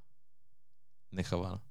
Како се викаше тоа? Просто А, зимското Хавана. Зимското Хавана, тоа старото. Збориме за Зимското Хавана, добро. зимската Ха- Не знам ни дали луѓе знаат дека постоело некад зимско Хавана. Дом на градежници, да. Да. И Fuck with me, you know I got it. Да? Се пушта, музика снемо е, ама снемо е, му- снемо е струја или музика, нешто кабел се откачи, поима немам у правиот момент. Каде што Така. се, каде што имаше чант од Fuck with me, you know I got it. И кога никој не предпостави дека кабелот се откачи.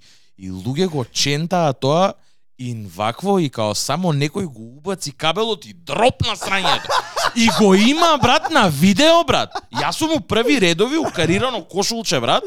2016 свек брат ми го имам внесено у журка онака нема ни 18. Ме разбираш као све тоа брат онака Факво ми me you know Gareth на тоа ме потсеќа брат. Ден денес брат. Ден денес на тоа ме потсеќа брат. Ова е респект. Трап да факап журка брат, ден денес ме потсеќа онака me you know Gareth, некој го откачи каблето брат и онака почна чентот и никој не прекина, никој не предпостави дека музика снема уствари и мисла дека е спуштен фейдот брат, фейдерот дека е спуштен брат. И некој го приклучи од позадини и кога грмна на еднаш брат, многу јак момент брат. Не знам кај, некој имаше некое видео, имаше некое снимено брат, за ТДФ као after movie, некој го имаше фатено тој даден момент. Го имам гледано, немам бојма дали ќе го најдам. ТДФ каналот. Але многу јако, многу јако. Да, реално, ТДФУ каналот на Facebook брат, отворете го и иде скролнете надоле во видеата, лудница, може да најдете се и свашта брат. Тоа е уште еден уште една форма на журнализам брат. Врати се на тие журки и гледај ги гледај ги албумине, пошто на Facebook порано беше така како Trap да фака, пет вако и вако, тој и тој датум. Отворете ги, видете луѓето као се облечени, тоа е документација брат.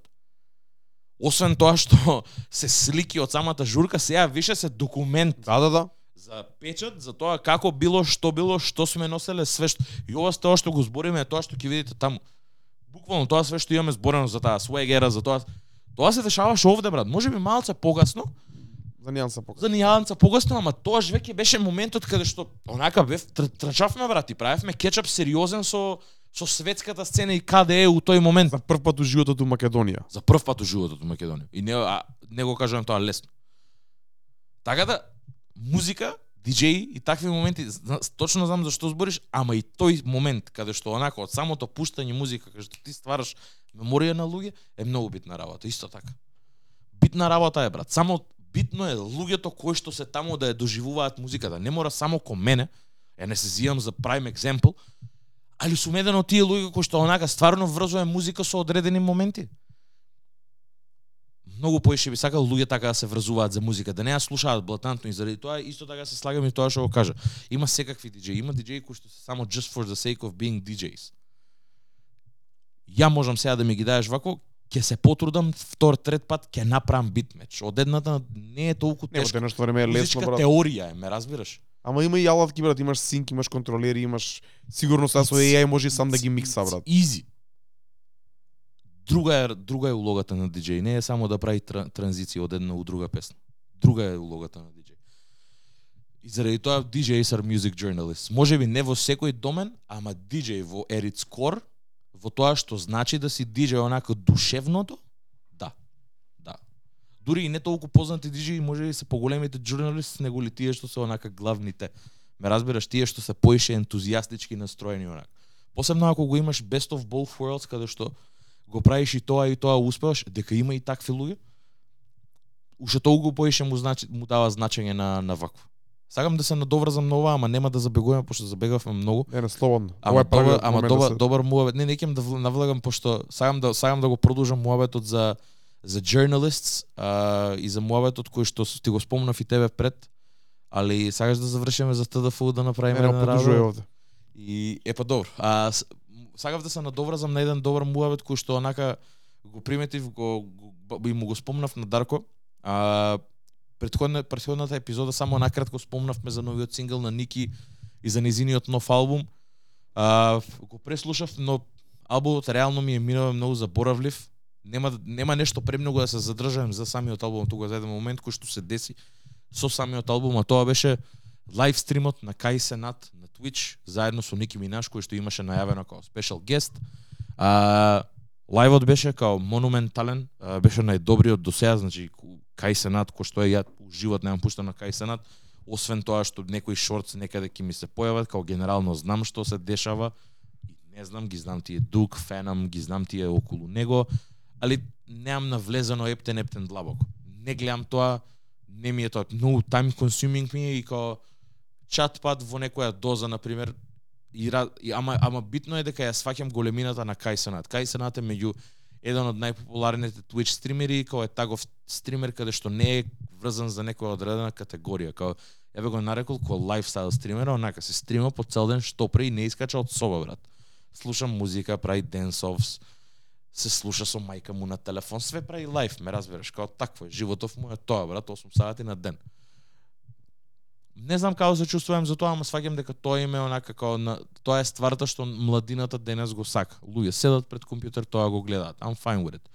И имаше еден момент каде што тоа го правеше, имаше 24 hours with Quavo, брат, каде што Quavo дое кај него дома со све, брат, со торби, со куфери, и седеше 24 сати онлайн на стрим, се стримаа како задруга правеа, ме разбираш, као, као спијат све тоа, играат денсов, хака, хихи, и тоа беше уствари дел од ролаутот на Quavo, за, не, извини, Offset, не, не Quavo, Offset, за неговиот албум. Истиот тој албум кој што го критикувавме. Али беше многу добар, ги сруши тогашните рекорди, брат, по 300.000 луѓе го гледаа на пик. Истото се деси сега со Ники Минаш, каде што Ники Минаш не беше за 24 hours, али беше за исто така за еден као дел од стримот да биде дел од од, од стримот на Кај Сенат. Ја чекаа 3 сати, мислам дека така нешто прочитав и дека се појавила во еден еден и пол америчко време. А, Кај се над знам дека е у Атланта, што значи дека е Eastern Time, еден и пол Eastern Time е као многу вако 6 сати, значи наше време е било некаде околу 9-10, околу 7-8, извинете. И доаѓа Ники, почнува стримот, почнува у еден и пол. И се приклучуваат 360 и кусур илјади луѓе лайв, да ја гледаат Ники Минаш заедно со Кај Сенат као се глупир. Нема врска, проаѓаат таму си имаат хаха хихи моменти, тоа е поише онака како фани бизнес, ме разбираш, тоа е смешно да биде да е entertaining. Доаѓа поврз се поврзува целиот момент, завршува се до тоа и утре дента као многу луѓе позитивно реагираат на тоа, сите му честитаат на кај дека успеал дека го бутнал она рекордот за најстрим, најстрим момент, стример моментално 360.000 луѓе во еден даден момент да те гледаат е многу сериозна бројка. Кога тоа незамисливи бројки за 360.000 луѓе во еден исти момент лајв да те гледаат на камера што преш, ме разбираш, многу е сериозно. И од друга страна као Елиот Уилсон имаше на Твитер постирано вчера, мислам дека, а имаше скриншот од сето тоа, имаш и имаше само напишан hip-hop journalism. И многу луѓе го сватија тоа на многу погрешен начин. И онака ме натера да размислам и да ги имаме зборен за new forms of media и за за за уствари за music journalists. И што значи тоа да си music journalist на денешница, а посебно па хип-хоп каде што веќе многу е измешано и е веќе многу внесено и со поп култура и со све каде што ако си рок или heavy metal music journalists, тоа е. Ме разбираш, искача нов албум, го ревјувнуваш, го нема нема тука многу што да правиш овде у хип-хопот моментално каде што е најатрактивната, најмодерната, нај-интюн она култура каде што све еволвира моментално околу таа музика, некако допира, као дури и да е поп музика, некако допира до хип-хоп музика.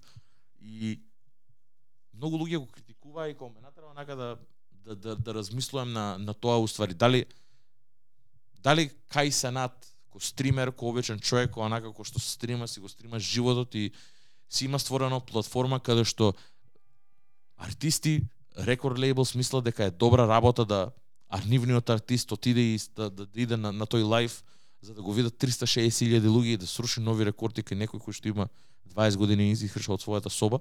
И ме да да, да размислам да тоа што е што е journalists у 2023 пошто е new forms of media ова тоа што го правиме ја и ти сега онака сме unhinged збориме за кога дојдовме овде, овде со нула теми да денес спремнеме разбираш? Не не можеме да се сопреме да збориме.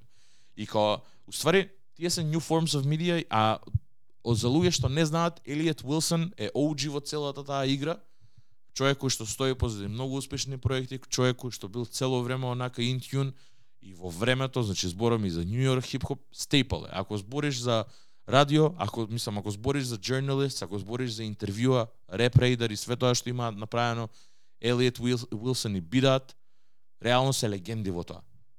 Ја многу обожавам да ги гледам и да правам она да да гледам нивни интервјуа бидејќи за разлика од Кај Сенат и тоа тие денсовс и, и тоа што прават све, они се тоталната спротивност на другото, каде што имаат sit down со артист и прават за сериозни теми муават. Значи не е само Дрейк имаше сати кусур интервју со нив пред неколку години каде што влага и за Скорпион збори и за за сите тие ствари тоа што му се дешава и онака многу добар момент. Нешто навидум на пример само што во многу поисто така сериозен аспект е J. Cole или Лил Јахти интервјуто што беше, каде што даваат одредени информации, овде е уште толку потајт, бидејќи се прашање одговор. Прашање одговор, не е конверзација. Туку е прашање одговор, туку е, е класично интервју. Сви имале гости, знаеме како е, ама не е така, не е прашање интервју, туку е муабет. преку муабетот извлекуваме прашања и добиваме нови одговори и теми кои што ги ги, ги збориме. И онака имаше многу луѓе што го критикува. Според мене врат у 2023 мора да постои простор каде што тие две се може да постојат паралелно. Нема потреба зошто некој да критикува за тоа што тој го прави, бидејќи не наштетува на другиот. Никако не наштетува. Луѓето кои што сакаат да го чујат интервјуто со Ники Минаш, ќе го чујат интервјуто со Ники Минаш. Тие што сакаат Ники Минаш да ја гледаат како го шејка газот пред 360.000 луѓе со кај се на така кај него спална, ќе го пуштат тоа. Е сега, кој ќе биде погледано? Факт е дека е тоа другото, второто. Што ќе има интервју? Битно да видиме дали ќе има интервју. Ако нема интервју, е проблем. Тоа е другиот аспект. И не е само ако нема туку, не и за и на Дрейк и на Offset нај, најверојатно, главниот фокус на дента на дропот или дента пред дропот е ти идеш кај ценат. Тоа е која демографија ја бркаш ти со ако тоа ти е примарен начин како да Тоа е друг, тоа тоа тоа тоа ми е испромовираш проблемот. тоа. Да. Сега брат, Тога веќе се пак врзуваме и со, со коментарите и на Џо Баден. кон кого целиш? Кон со с- кон Дрейк. Не, не мислам да. Кон, кон, Ама не, тоа е сентиментот за кој што ја и ти се сложивме со и застанавме на страна на Џо Баден за коментарите. Така, тоа, тоа. И пак се навраќам на сето тоа бидејќи јас ги сваќам коментарите на Елиот Уилсон како човек кој што кој што мислам сега не знам од кај доаѓаат, ама го сваќам, ја сваќам целта на тој цел цел муабет дека да, окей, многу е гуфи изгледа, ама не сваќам дека не, не треба да има простор каде што тие двете не може да постојат. Треба да постојат, за да биде здраво треба да постојат тие два спектри за да има една главна средина и еден главен баланс помеѓу сите две, ме разбираш? Ако Елиот Уилсон го дава ја дава левата страна, кај Сенат ја дава десната, као тоа само ги рамни по линијата и, и става една црта на средина дека тоа е балансот, дека ако го нема Елиот Уилсон ова станува одма буквално вака, дека кај Сенат многу тежи. И тоа е многу битно. Дали ќе го има интервјуто со со Елиот Уилсон или нека не е Елиот Уилсон, А, туку да. нека е било кој таков кој што ги има.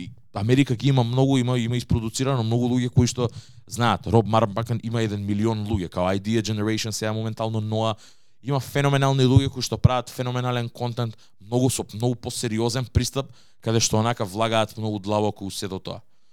И управо си. Битно е да видиме дали ќе има интервју. И што ќе се збори на тоа интервју, бидејќи тоа е мене тоа што ми смета, не дека ми смета, ники може да прави што сака, ама тоа е тоа што е малце чудно во во денешната сцена, иако може би тоа се случува полого време. Отидено е до крајност тоа, ако академикс е да речеме на спектарот, не е кај се дека кај се нема врска со хип-хоп најверојатно, не е ни го знам јас човекот. Па не е дека нема врска со хип-хоп, ама брат, не, не е критичкото мислење за Ама тоа. што е он? Он е јутубер, Стример, брат. стример. Стример, Ама буквално е се, за, стример. тоа е лайфстайл. Лайфстайл стример, за е тинеџери. тоа го е, за тинеџери, брат. Пак е примерно хип-хоп. Е, Он е- нема он е- врска хип-хоп брат со Па не, тоа. ама не, па- Лайфстайл на тинеџери со хип-хоп нема допирна Ама има допирна да точка, ама не ама например, работи ама се брат. например он е у спотот, на на Лил Узи Врт. Не, не зборам за содржината на неговите стримови.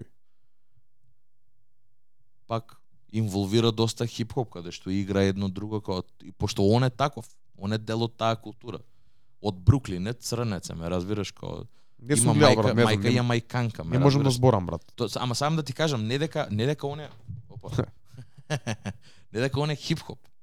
Не, као ама едноставно Ајде е да речеме, стример кој што има огромен одиенс. Ме разбираш и као тоа и и и уште толку ја турка и неговата агенда, нормално, значи турка рекорди, збориме за сериозни бројки. А од друга страна трейдофот е дека Ники Минаш е таму и као ама вистинскиот трейдоф е тоа ти што го спомна. Јас се многу согласувам со тоа. Мора да има баланс на тие работи. Не може само да биде кај се надбрат. Мора да го има и другиот тој офсет што ќе го направи. Као, не, не мислам на офсет, туку тоа што ќе го направи другото онака спротивното, дека ќе направи едно и сериозно интервју, дека ќе ќе дојде и ќе каже. Ама слушајќи го албумот и не мислам дека има нешто многу да каже на па тоа сериозно е интервју. проблемот брат. брат. Е па тоа е проблемот. Пошто музика да поише ми соодветствува со тоа што кај се над го Е па тоа е проблемот. Ви играње и денсов, него ли да иде да седне со Елиот Уилсон да направи муабет. Тука е кор проблемот. Не е проблемот мислењето на Елиот Уилсон или ставот на некој old head за новите медиуми, за новите генерации. Ние сме измеѓу генерација middle child сме ги Сме потребуваме да middle child двете. и види, и ние сме дел од сето тоа. Ние имаме подкаст. Подкаст се new forms of media. Го имаме веќе зборено тоа. не верувам дека тие новите форми на на медија се се проблемот. Брат, не е битен не е битна формата на, мед, на медиум. Тоа што што што Содржината да. и за која демографија е тоа наменето. Мислам дека на тоа се сведува. И така лейбелот бира или Ники Минаш тимот на Ники вика паметно да си дека ова дека ќе има 300.000 луѓе што ќе гледаат. Како бројки се разбира дека да. Така? Ама тоа е содржината таму не не дека не е не дека не е добра. Добра е чим луѓе гледаат, не може да кажеме ние дека не е добра. Не бе неки шејка газ брат, нормално дека ќе е добро. Луѓе сакаат да го видат тоа. Ама тоа е брат. Е па тогаш, ама тоа истото брат во другата крајност со OnlyFans. Артисти што имаат, женски артисти што имаат или машки што имаат OnlyFans, стануваш после два месеци по- по- попознат за OnlyFans од него за музиката што имаш и готово више брат. Да. Готово е више тука. И ги ја залија кој да е брат, не не е ни битно, не ни ги знам, не, не ни индалжам у тоа брат да ги да, да се заинтересирам. Не. Дека ние сме другата крајност брат, ние сме new media и на многу formal scale брат, не се споредува Не се споредуваме ништо. дефинитивно. Ама нашата содржина е многу длабока и многу стварно влагаме длабоко во музиката и во културата и критички и ги даваме критички мислења и наши ставови и ете гикаме за некои многу по мали и по ниш ствари. Затоа сакам да кажам како ако кај се наде тука, вајда академик се тука негде, вајда некој од овие по Да, и ние сме на другиот спектар од ваквото, без разлика што сме New Forms of Media. ние сме Ние на... поише влечеме кон Елиот Уилсон, него ли кон Кај Сенат. точно. Бидејќи на многу луѓе можеби ќе им доседи midway conversation, а наку 15 минути ќе им скурчиме, пошто ќе кажат, леле бе, овие пак гикаат за 2012 што правеле, ме разбираш? Нормално е тоа и сосема го разбирам, пошто тоа е Знаеш мене што ми смета, извини, што може би сум грешка. Ако луѓето идеа кај академик до пред 3 години на стрим за да го промовираат својот албум, ако беше тука, предходни идеа тука, предходни идеа на Hot 97, па сега па после идеа на да, академик, иде навака и па навака. сега идеат навака. Да, Што правиме? Значи вие се содалечувате од нашата култура заедничка или вашата која ние сме дел од тука од Македонија. Као да. Тоа ми мене тоа, тоа ми мене тоа што беше што тоа ми мене чудното и тоа ми мене тоа што ме нервира и ми смета и кај Дрейк и кај Да. Ники и кај ете, Offset не ни знаев. И тоа се одразува Тоа се гледа преку квалитетот брат на музика. Плюс пак видов некој квот на Offset дека музиката била и иста и звучала исто брат. Ти си дел од проблемот, не не, Дел си да. нормален брат. Да.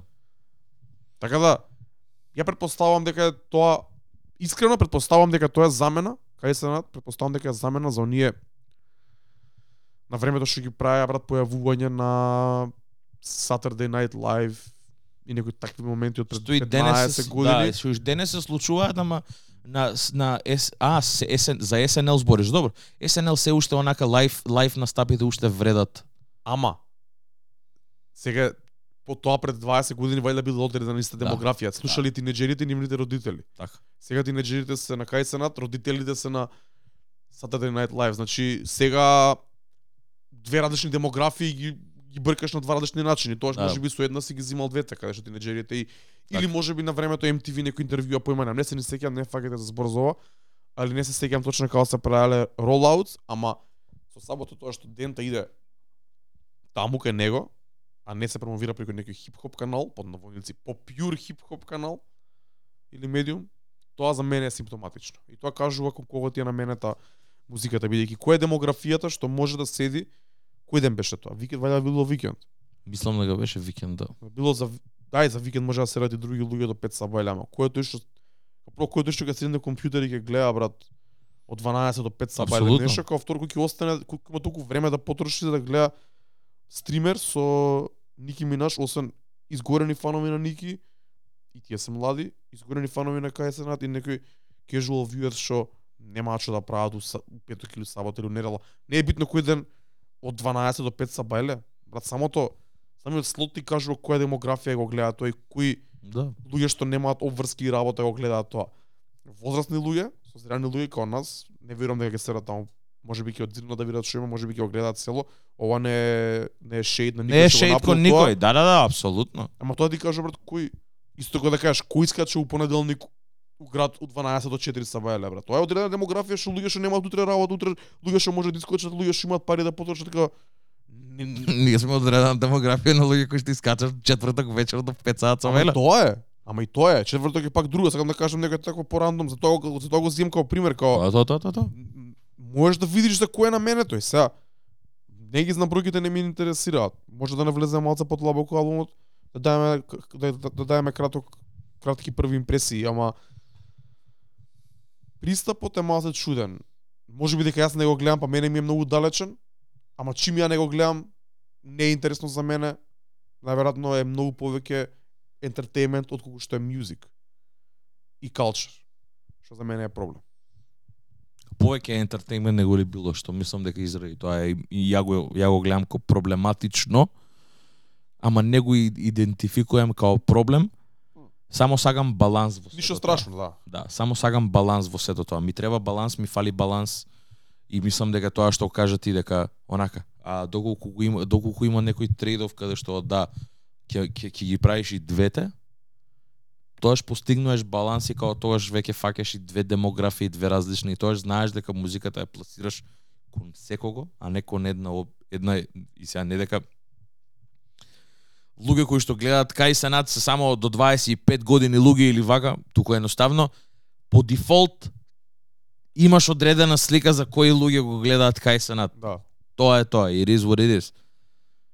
И ме, ме, ме, ме натера да се да се замислам за тоа бидејќи онака као се поише и поише тоа се дешава, а и се губи таа таа таа форма на каде што ќе можеш да имаш sit down онака со со со артисти можеш да направиш муавет без да без да не да, да нема ентертеймент, самиот ентертеймент да се информациите кои што се споделени внатре. Знаеш она, да ги добиеш тие причи приказно и ја ќе се надоврзам директно на албумот, ќе навлезам и таму брат. Рековме дека ќе го слушнеме, си рековме и викам ај окей, као никад у живот не би пуштил Ники Минаш освен ако не морам. А, ова е еден од ретките ова е еден од ова е еден од ретките моменти, ама не, сваќам, тоа ти си диџеј и као може да има некој бенгер некаде нешто. Ја имав момент каде што окей, видов ствари и сагав да ги чуем. Има фичер со Дрейк, има фичер со J Cole, го има Lil Uzi, Skilly Bang пак е тука, као сагав да чуем, да видам што и како. И онака, као прво нешто што направив, пуштив две песни соло и се викам fuck it, I'll go to the features, брат. Кидам Добро. само кидам кидам само со песните кои што се вакво видов дека нема Ники Хендрикс, ја чув со Future, ја чу, ги чув тие што требаше да се чует. И онака долг албуме и Има и Deluxe сега поново. I skim through it, брат, искрено. Као а, Ники, немам ништо против Ники, има многу многу многу легендарни моменти и моменти каде што ми се свиѓа. Но овде на пример некако кроз целиот албум ми е многу бленд. Многу ми е онака као веќе можам да да претпоставам со кое флоу ќе настапи, као ќе рапуе, као едното па истото е цело време и имам малце проблем со тоа. И као сваќам дека е OG во се во ова, ама продукцијата не е доволно добра за да го извади ова сето на да биде на друго ниво. И као мене ми е сапар. Стварно слушав и има само поише моменти каде што онака поише ме нервира него ли што ме вакво, бидејќи има многу моменти каде што е уште е жртва своеволно, жртва на тоа користење семплс, на стари семплс, а, вадење на песни кои што онака не ни звучат толку многу добро, онака како на пример MC Hammer Can't Touch This. А, него е такви моменти каде се што лажам, таа песна беше сингл уште да, зборевме за зборевме за неа. Мене тоа не ми се свиѓа брат. Има поише на поише моменти го фатив тоа.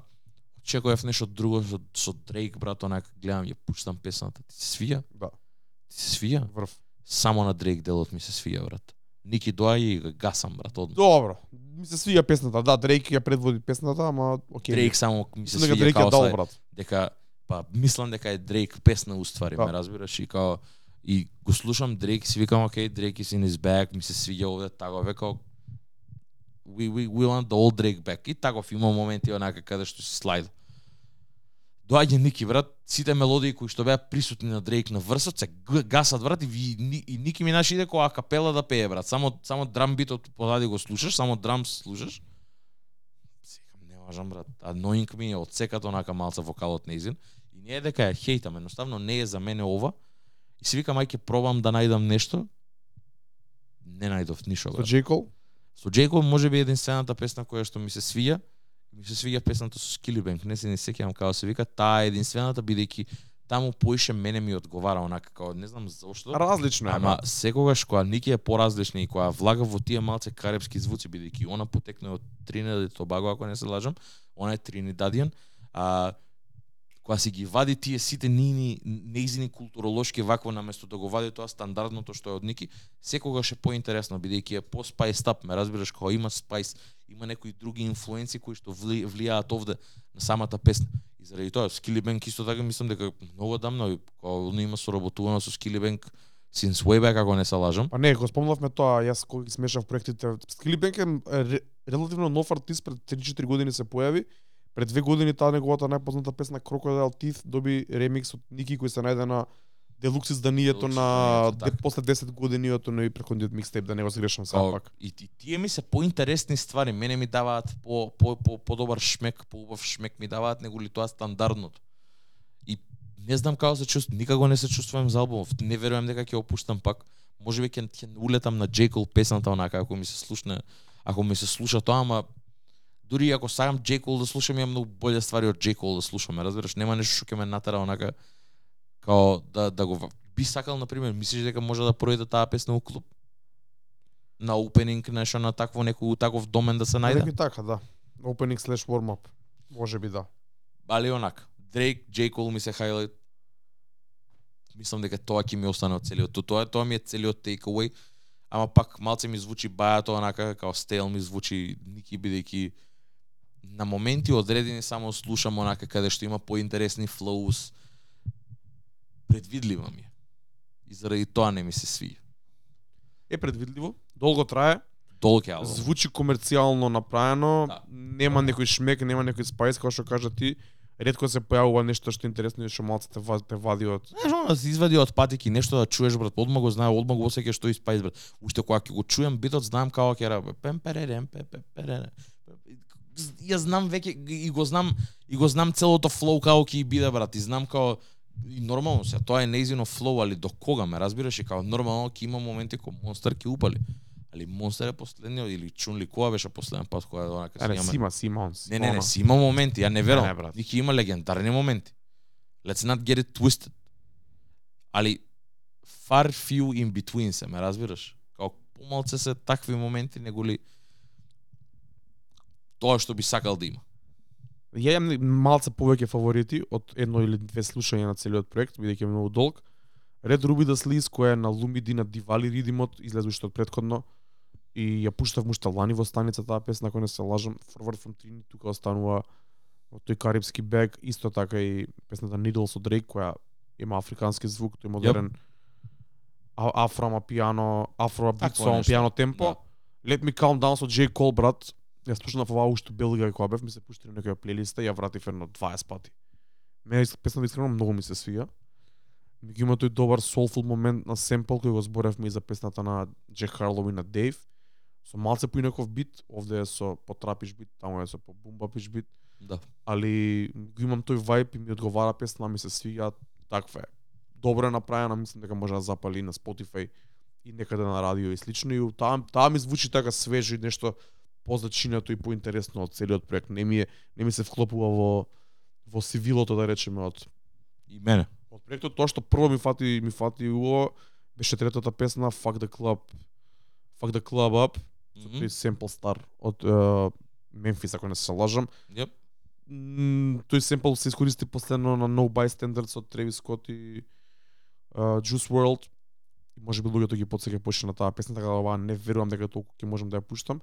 Али една што ми остана така како бенгер при крајот на албумот е Бам Бам, 17-та песна. Таа ми остана како нешто што мислам дека може би можел да го пуштам, ама не сум сигурен.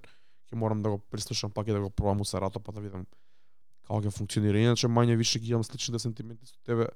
Тежок албум за слушање се пројде неколку комерцијални песни кои одма ги скипнав и песната Everybody со Lil Uzi Vert е од најлошите најлошите моменти на албумот. Катастроф.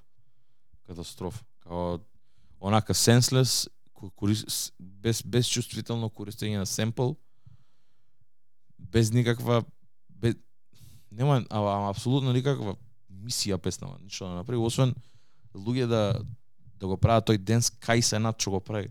Као тоа е единствената ваква да извади иста реакција кога I just wanna rock да има таков вирален момент. Ама брат, една е I just wanna rock. И Тоа таа не да ти и кажам. таа не закачи така од прва брат. Се што ќе биде копија на тоа.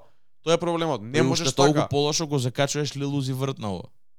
Не можеш така, брат. Значи, лесно е да пробаш да ископираш нешто што запалило пред една година. Нема тој што прв го направил срањето, тоа е тој што ќе биде предводник на тоа. Тоа. Или на кој што прв му запалило, не можеш са копи пейст да правиш на тоа. Кога ќе сватат не се нормални, брат. Тоа. Ние треба да им кажеме тука Пандамоним ради од капиштец. Не се нормални, брати, не ми се свија тоа. Си викам, окей, ајде, го познавам семплот, добро. Одма почнав да се мрштам, брат. Уште кога видов како е искористен толку, брат. Гаси, не ни стигнав, мислам дека Lil Uzi да го Не чуем. бе што ќе ти. Не ми требаше. И го изгасив. Го изгасив, тоаш онака го паузирав и после го продолжив албумот пак. Ме нервираат такви работи, брат, онака сенслес е стварно. Као онака кога да немаат резон, брат, за, за што прават музика, до кај е стигната стварта. Нема. Као као си ти, Ники Минаш седиш у студио, брат, што си го изрентала, брат, 3000 долари, брат, од вечери, и онака седиш и го слушаш битов и си викаш, да, ова ќе запали, брат. Милиони ти пат, ме разбираш, има уште 100 црнци става вечер што имаат извадено джерзи песна. Кога мислиш дека така, ш, дека си ти Ники Минаш, мислиш дека ќе запали нешто поинаку ќе биде? Као over production, ме разбираш, као не е заради тоа ми се свијаат стварите што ги имам чуено од Кања албумот, ме разбираш, као мене- Санд Хинчте, брат. Абе, остаje брат. You Тимбо брат, се надевам дека Timbaland ќе среди работа таму брат. Појма немам. Мислам, нема не, не навлагаме пак таму, ама на Kanye West Everybody поише ми се свиѓа. Брат, што има на Kanye West Everybody, што е толку и појако од оригиналот Everybody? Оригиналот Everybody ти се свиѓа? Не. Е па како ти се свиѓа тоа бе, брат? Не знам бе брат. Немам појма, Значи, не можам да го опишам. бисташ сега, брат. Не, не, не, не, не хај Те бистам молам, те ништо. молам, значи те Не молам. хај бистам, ама има момент кој што е малце поинаку направен, него ли него не, не, него ли овој моментално што се користи тоа сето средување на пример на кор- искористување на семплови. Брат, има добра фора дека е е и дека е амбек, нели вика на крај, како Да. вика. И добар е битот, тој само бас со тоа тин тин. тит, тит. Да. Добро да биде едит. Не е добро да биде водечка, водечки бенгер на нешто ново прогресивно што Kanye West ќе го вади после 5-6 страње проекти. Брат, немојте да ме зајаваате, брат. Ја не пијам нафта ако вие пиете нафта. Значи немојте да ме зајаваате, брат. Не, Не е окей, брат. Ама како ќе биде извадено кој едит, брат? Чеке малце, тушнав и дека не било кли, клирнато за да се Да, извади албумот. дека не е клирнато, да. А тоа беше интрото на тој Мај, Мајами Рейв што го правеа и луѓето се запалија за тоа, значи може и ова да не биде уопште извадено. Дефинитивно. Сакам да кажам дека што е тоа толку појако? Не, не, ја не реков дека е толку поеко, само реков дека поише ми Мене се песната свиѓа. ми е срање, брат. И ми била срање, ќе ми биде срање. И ми е кринч. Ама Мене Vultures. лично, брат. Vultures? Врв. Зборам за овој момент со uh, NSYNC или како Да, да, да, Backstreet Boys, како Не, Backstreet. Boys, Backstreet Boys. Не ни ми интересира, брат. Тоа е Backstreet поп музика од 2000-те што ја и тие не ме ни слушано, брат. Апсолутно, ја тоа го мразев Ајде, уште имаше тоа тој што семпл тука на албумов, што ќе збореше, брат? Не, не, не, исто ќе беше. Мене ми е само, знаеш како? Значи не е окей, брат. Мене ми е само самиот момент, самиот момент на седо тоа и начинот на кој што е представено. А инаку не е дека песнама ми е нешто вау хаос. Не, не, не дека нешто премногу ми значи или ми е преак. дека Kanye, Има дека има има има ствари. И тоа плюс имаше еден коментар некаде читав Не онака заебавај, брат. некаде некаде беше нешто, имаше некој рил, некоја песна. И као, окей, луѓето позитивни коментари све и само имаше некој If this was produced by Kanye, everybody would go mad. Што исто така многу точно. Точно е, брат. Го има го има тој signature дека, дека е од Kanye и дека е од Kanye потекна и као сите стануваат и јесмени, тоа е, меѓу кои некаде и ја. Мене ми се свија битот како одговара со песната. Ама не можете тоа, брат, ин- интро на нешто ново од Kanye што ние го чекаме сега да излезе као Не треба да биде најголемата песна, не треба да биде лид Најголемиот сингл, не момент треба да биде најголемиот момент на најголемиот самиот албум. најголем нај, најголемиот момент од тој рейв. Па види, ја него ни гледав рейвот, не ме ни интересира тоа. Але ќе опрашаме нашиот ја кореспондент Джеди и ќе каже. Чеди ти кажа дека било јако, така да не може да не може да го земе неговото мислење за објективно, дека е пресубјективно, брат. Да, он е реално Protector of the Realm. Што збориме? Го сере интернетот Дрейк кога зима way too sexy sample. Кој што е на кој ниво е кринжот на Backstreet Boys? Way too sexy која песна или тука uh, која е Everybody. Everybody, Исто, исто. исто, е, да. исто, исто. Да, и онаа као се вика другата од од од со со MC Hammer шо е. Да, значи брат ме свегаш. Тоа е. Заради тоа те викам Двојни аршини се боле- ставува станува збор за Не, не, Кање. се двојни аршини. Ама тоа е само од неговата фан база. Бидејќи обичниот човек не слуша Кање, брат. Апсолутно, апсолутно, апсолутно. А, заради тоа ти велам, пак ќе се навратам на тоа што го кажав в претходната епизода. А, Stop Giving Me Advice ми е многу по 2000s like, со модерен твист, него ли било што од тоа што си има извадено у последно време, што има 2000 sample, Да. а сакаат да го прават модерно, ме разбираш, кога не го форсираш, е многу поприродно и точно. органско и многу ми е добро. Уште ја слушам песната и ми се свиѓа многу, брат. Многу ми се свиѓа, брат. Таква ми е за мрдање рамења ми е само, за нејни движење само за мрдање рамења ту степ да правиш на неа. Тоа ми треба, брат. Ако не знаете што е ту степ, изгуглајте. Добро е брат, не, не, добра. Мене Добра ствар, е, ама тоа ти викам. Од друга страна, може веќе да ски да да, да прекинат луѓе да, да го прават тоа, брат. Не, Не, нема да која, прекина, тек која доправо е иде. то, која е таа па, како иде доправо само поише уништува брат. Музичката сцена брат со тоа. Ја живи се ти кажам дека веќе Да нема видиш што ќе се искористи, брат. Да видиш што ќе се искористи на начин на кој што ќе се искористи. Да, ама колку ќе се мене аха моменти брат. И мене ми е многу брат, многу е далечно ова брат. Може би не е далечно за нив, ама и далечно и за нив брат. Значи, немојте да ме заебавате, брат. Немојте да ме заебавате. Backstreet Boys ние не сме слушале од Европа белци кога сме биле мали да го слушаме тоа. Значи, стварно не сме го слушале, брат. Се не сме го слушале пред 20 години, на 10 години, сега ќе го слушам после 20 години, дека Кање или дека Ники го прават. Или дека Дрейк било кој го прави. Па не. Не мог, не е окей. Не, види. Начинот окей. на кој што е вакво да, ама не треба да биде најголемиот момент и моментот за кој што сите се закачуваат за албум. Албумов треба да биде многу поише од тоа. И се надевам ако уопште го добиеме, ќе видиме како ќе биде. Ама се слагам со тоа дека дека не треба да биде најголемиот да highest high на албумот и не треба тоа да биде нештото кое кое што луѓе ќе се залепат кон него и тоа да им биде главниот аргумент дека тоа е, е доброто или најдоброто. Дека не треба да биде. Пошто е пак уште едно нешто кое што буквално паѓа онака каде што ние таму збориме дека е проблематично за хип-хоп музиката. Да. И тоа ова не е ни со хип-хоп семпл, брат. Боле ми е со Уири со Too Short семпл, отколку Кање, најпрогресивниот артист од нашата хип-хоп генерација или во историјата на хип-хопот со Backstreet Boys семпл не е семпл, него цел рефрен земен, брат.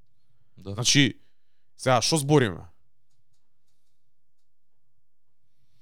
Кање има малце изгубено прогресивноста, пак го има на тој The Life of Pablo момент каде што не се знае што кур се дешава со сето тоа.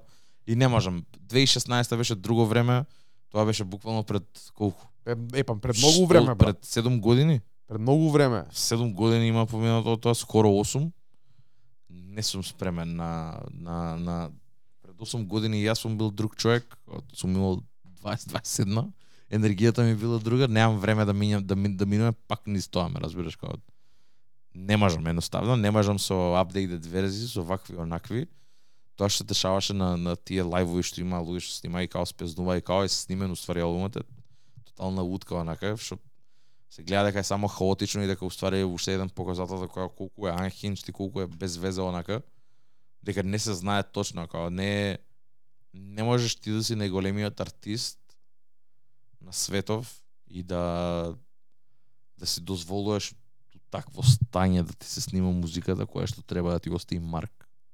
Брат, ама тоа се дешава долго време со Кање, така да Тоа само да ти кажам. кога ќе почнеме да му го да, кога ќе почнеме да, да му го зијаме тоа брат. И за тоа ти кажувам, не сакам да збориме за Кање дека не дропне. Само со ова ќе завршам. Музиката на Кање, обичните луѓе не ја слушаат брат. Многу е далечна. Музичка, музиката на Кање, односно не е ни музика дока не се извади според мене. Тие unreleased, тие ликови, тие ствари ги слушаат неговите фанови, музичките нердови кои се на интернет и кога тоа е тоа. Нит некој ми побарал песна од Кање да пуштам, посебно од нови, од последниве, од после Life of Pablo, никој ми нема побарано никад живот брат да пуштам нешто поново од Дейтона навака, од тие проекти навака. Значи луѓето не го слушаат тоа. Брат. Имаше неколку моменти ко Off the Grid, ко Hurricane, ко некои добри моменти што мене ми се свиѓаат, јас сум Кање фан, не сум изгорен фан, ама Да, сум фан и сакам да фанови. Кање, ама колку пати треба да ми дропне нешто лошо за да ме да. за да ме разочара. Не збориме за религиозните албуми, ги тргам тие. Валјда човекот не е религиозен, пак пцуе, пак збори како правил тројки, четврки, што правил. Тоа што ми беше моментот што ми сметаше, кога беше религи... одеднаш религиозен дека знаеме дека не е Да. толку, као, и тоа беше многу фейк. I know you're infatuated with pussy, што збориш, брат? Ја за Jesus is King ми збориш. Значи, дај се, брат. Ти можеш да си религиозен, ама нема да го негираш тоа, нема да има пцовки, нема да има ништо. Глупост. Нема врска, не збориме за Кање. Со ова сакам да завршиме да направиме фул циркл на целата емисија, бидејќи почнавме од ТДФ Шек да завршиме од ТДФ Шек.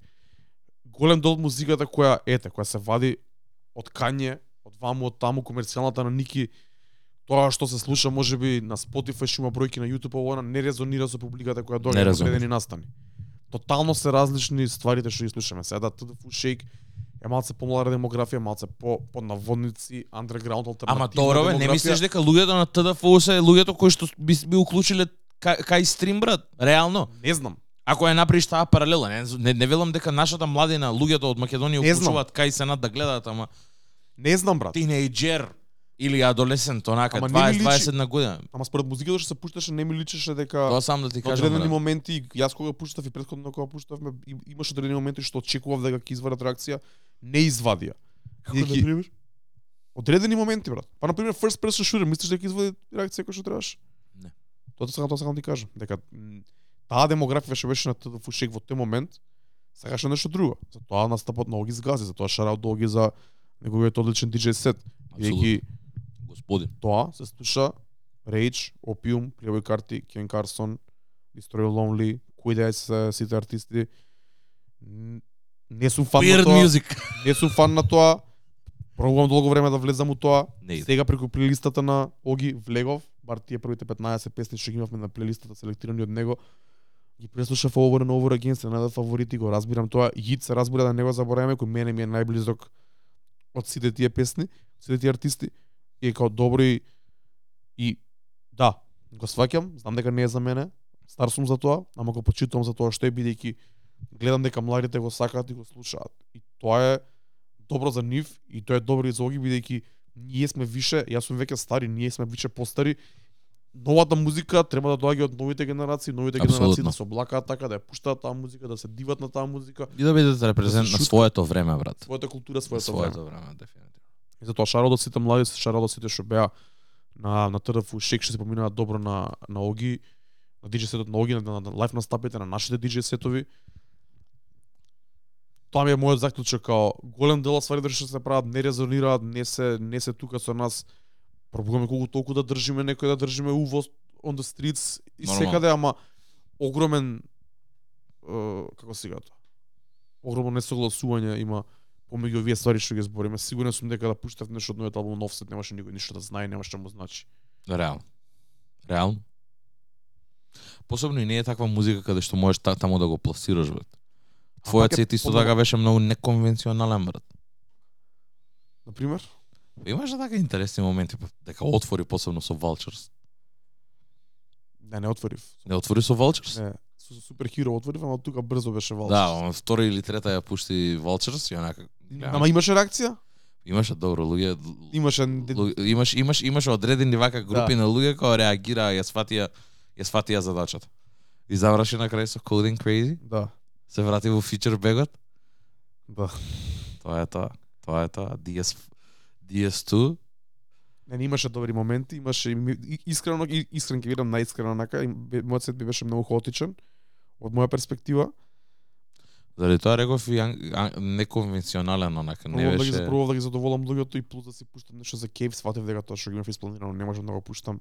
Луѓето не, не резонираат со тоа и пак се се се потврди мојата замисла дека јас и мојата под наволници трап музика што ја слушам не е таа трап музика која одреден дел од луѓето тука барем, па дури и во светот ја слуша, дека за мене ако ако ако киглок не ти е трап, имаме различна дефиниција за трап и различна дефиниција за тоа Окей. што е, ама Фер. не хейтам него Океј, сваќам дека ако пуштам кигло џабе ги го пуштам, не ни го пуштам, брат, тоа е тоа.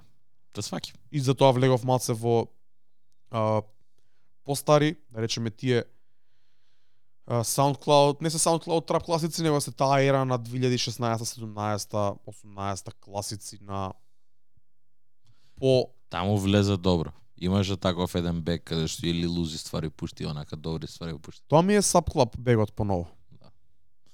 Имаше онака, на пример, као тие се стварите кои што мене ми се и поприфатливи, дури зборам и као ако влеземе кај Playboy карти и неговата као мислам не е ни bragging rights ни ништо, али Playboy карти го слушам од као since Playboy карти од кеш карти.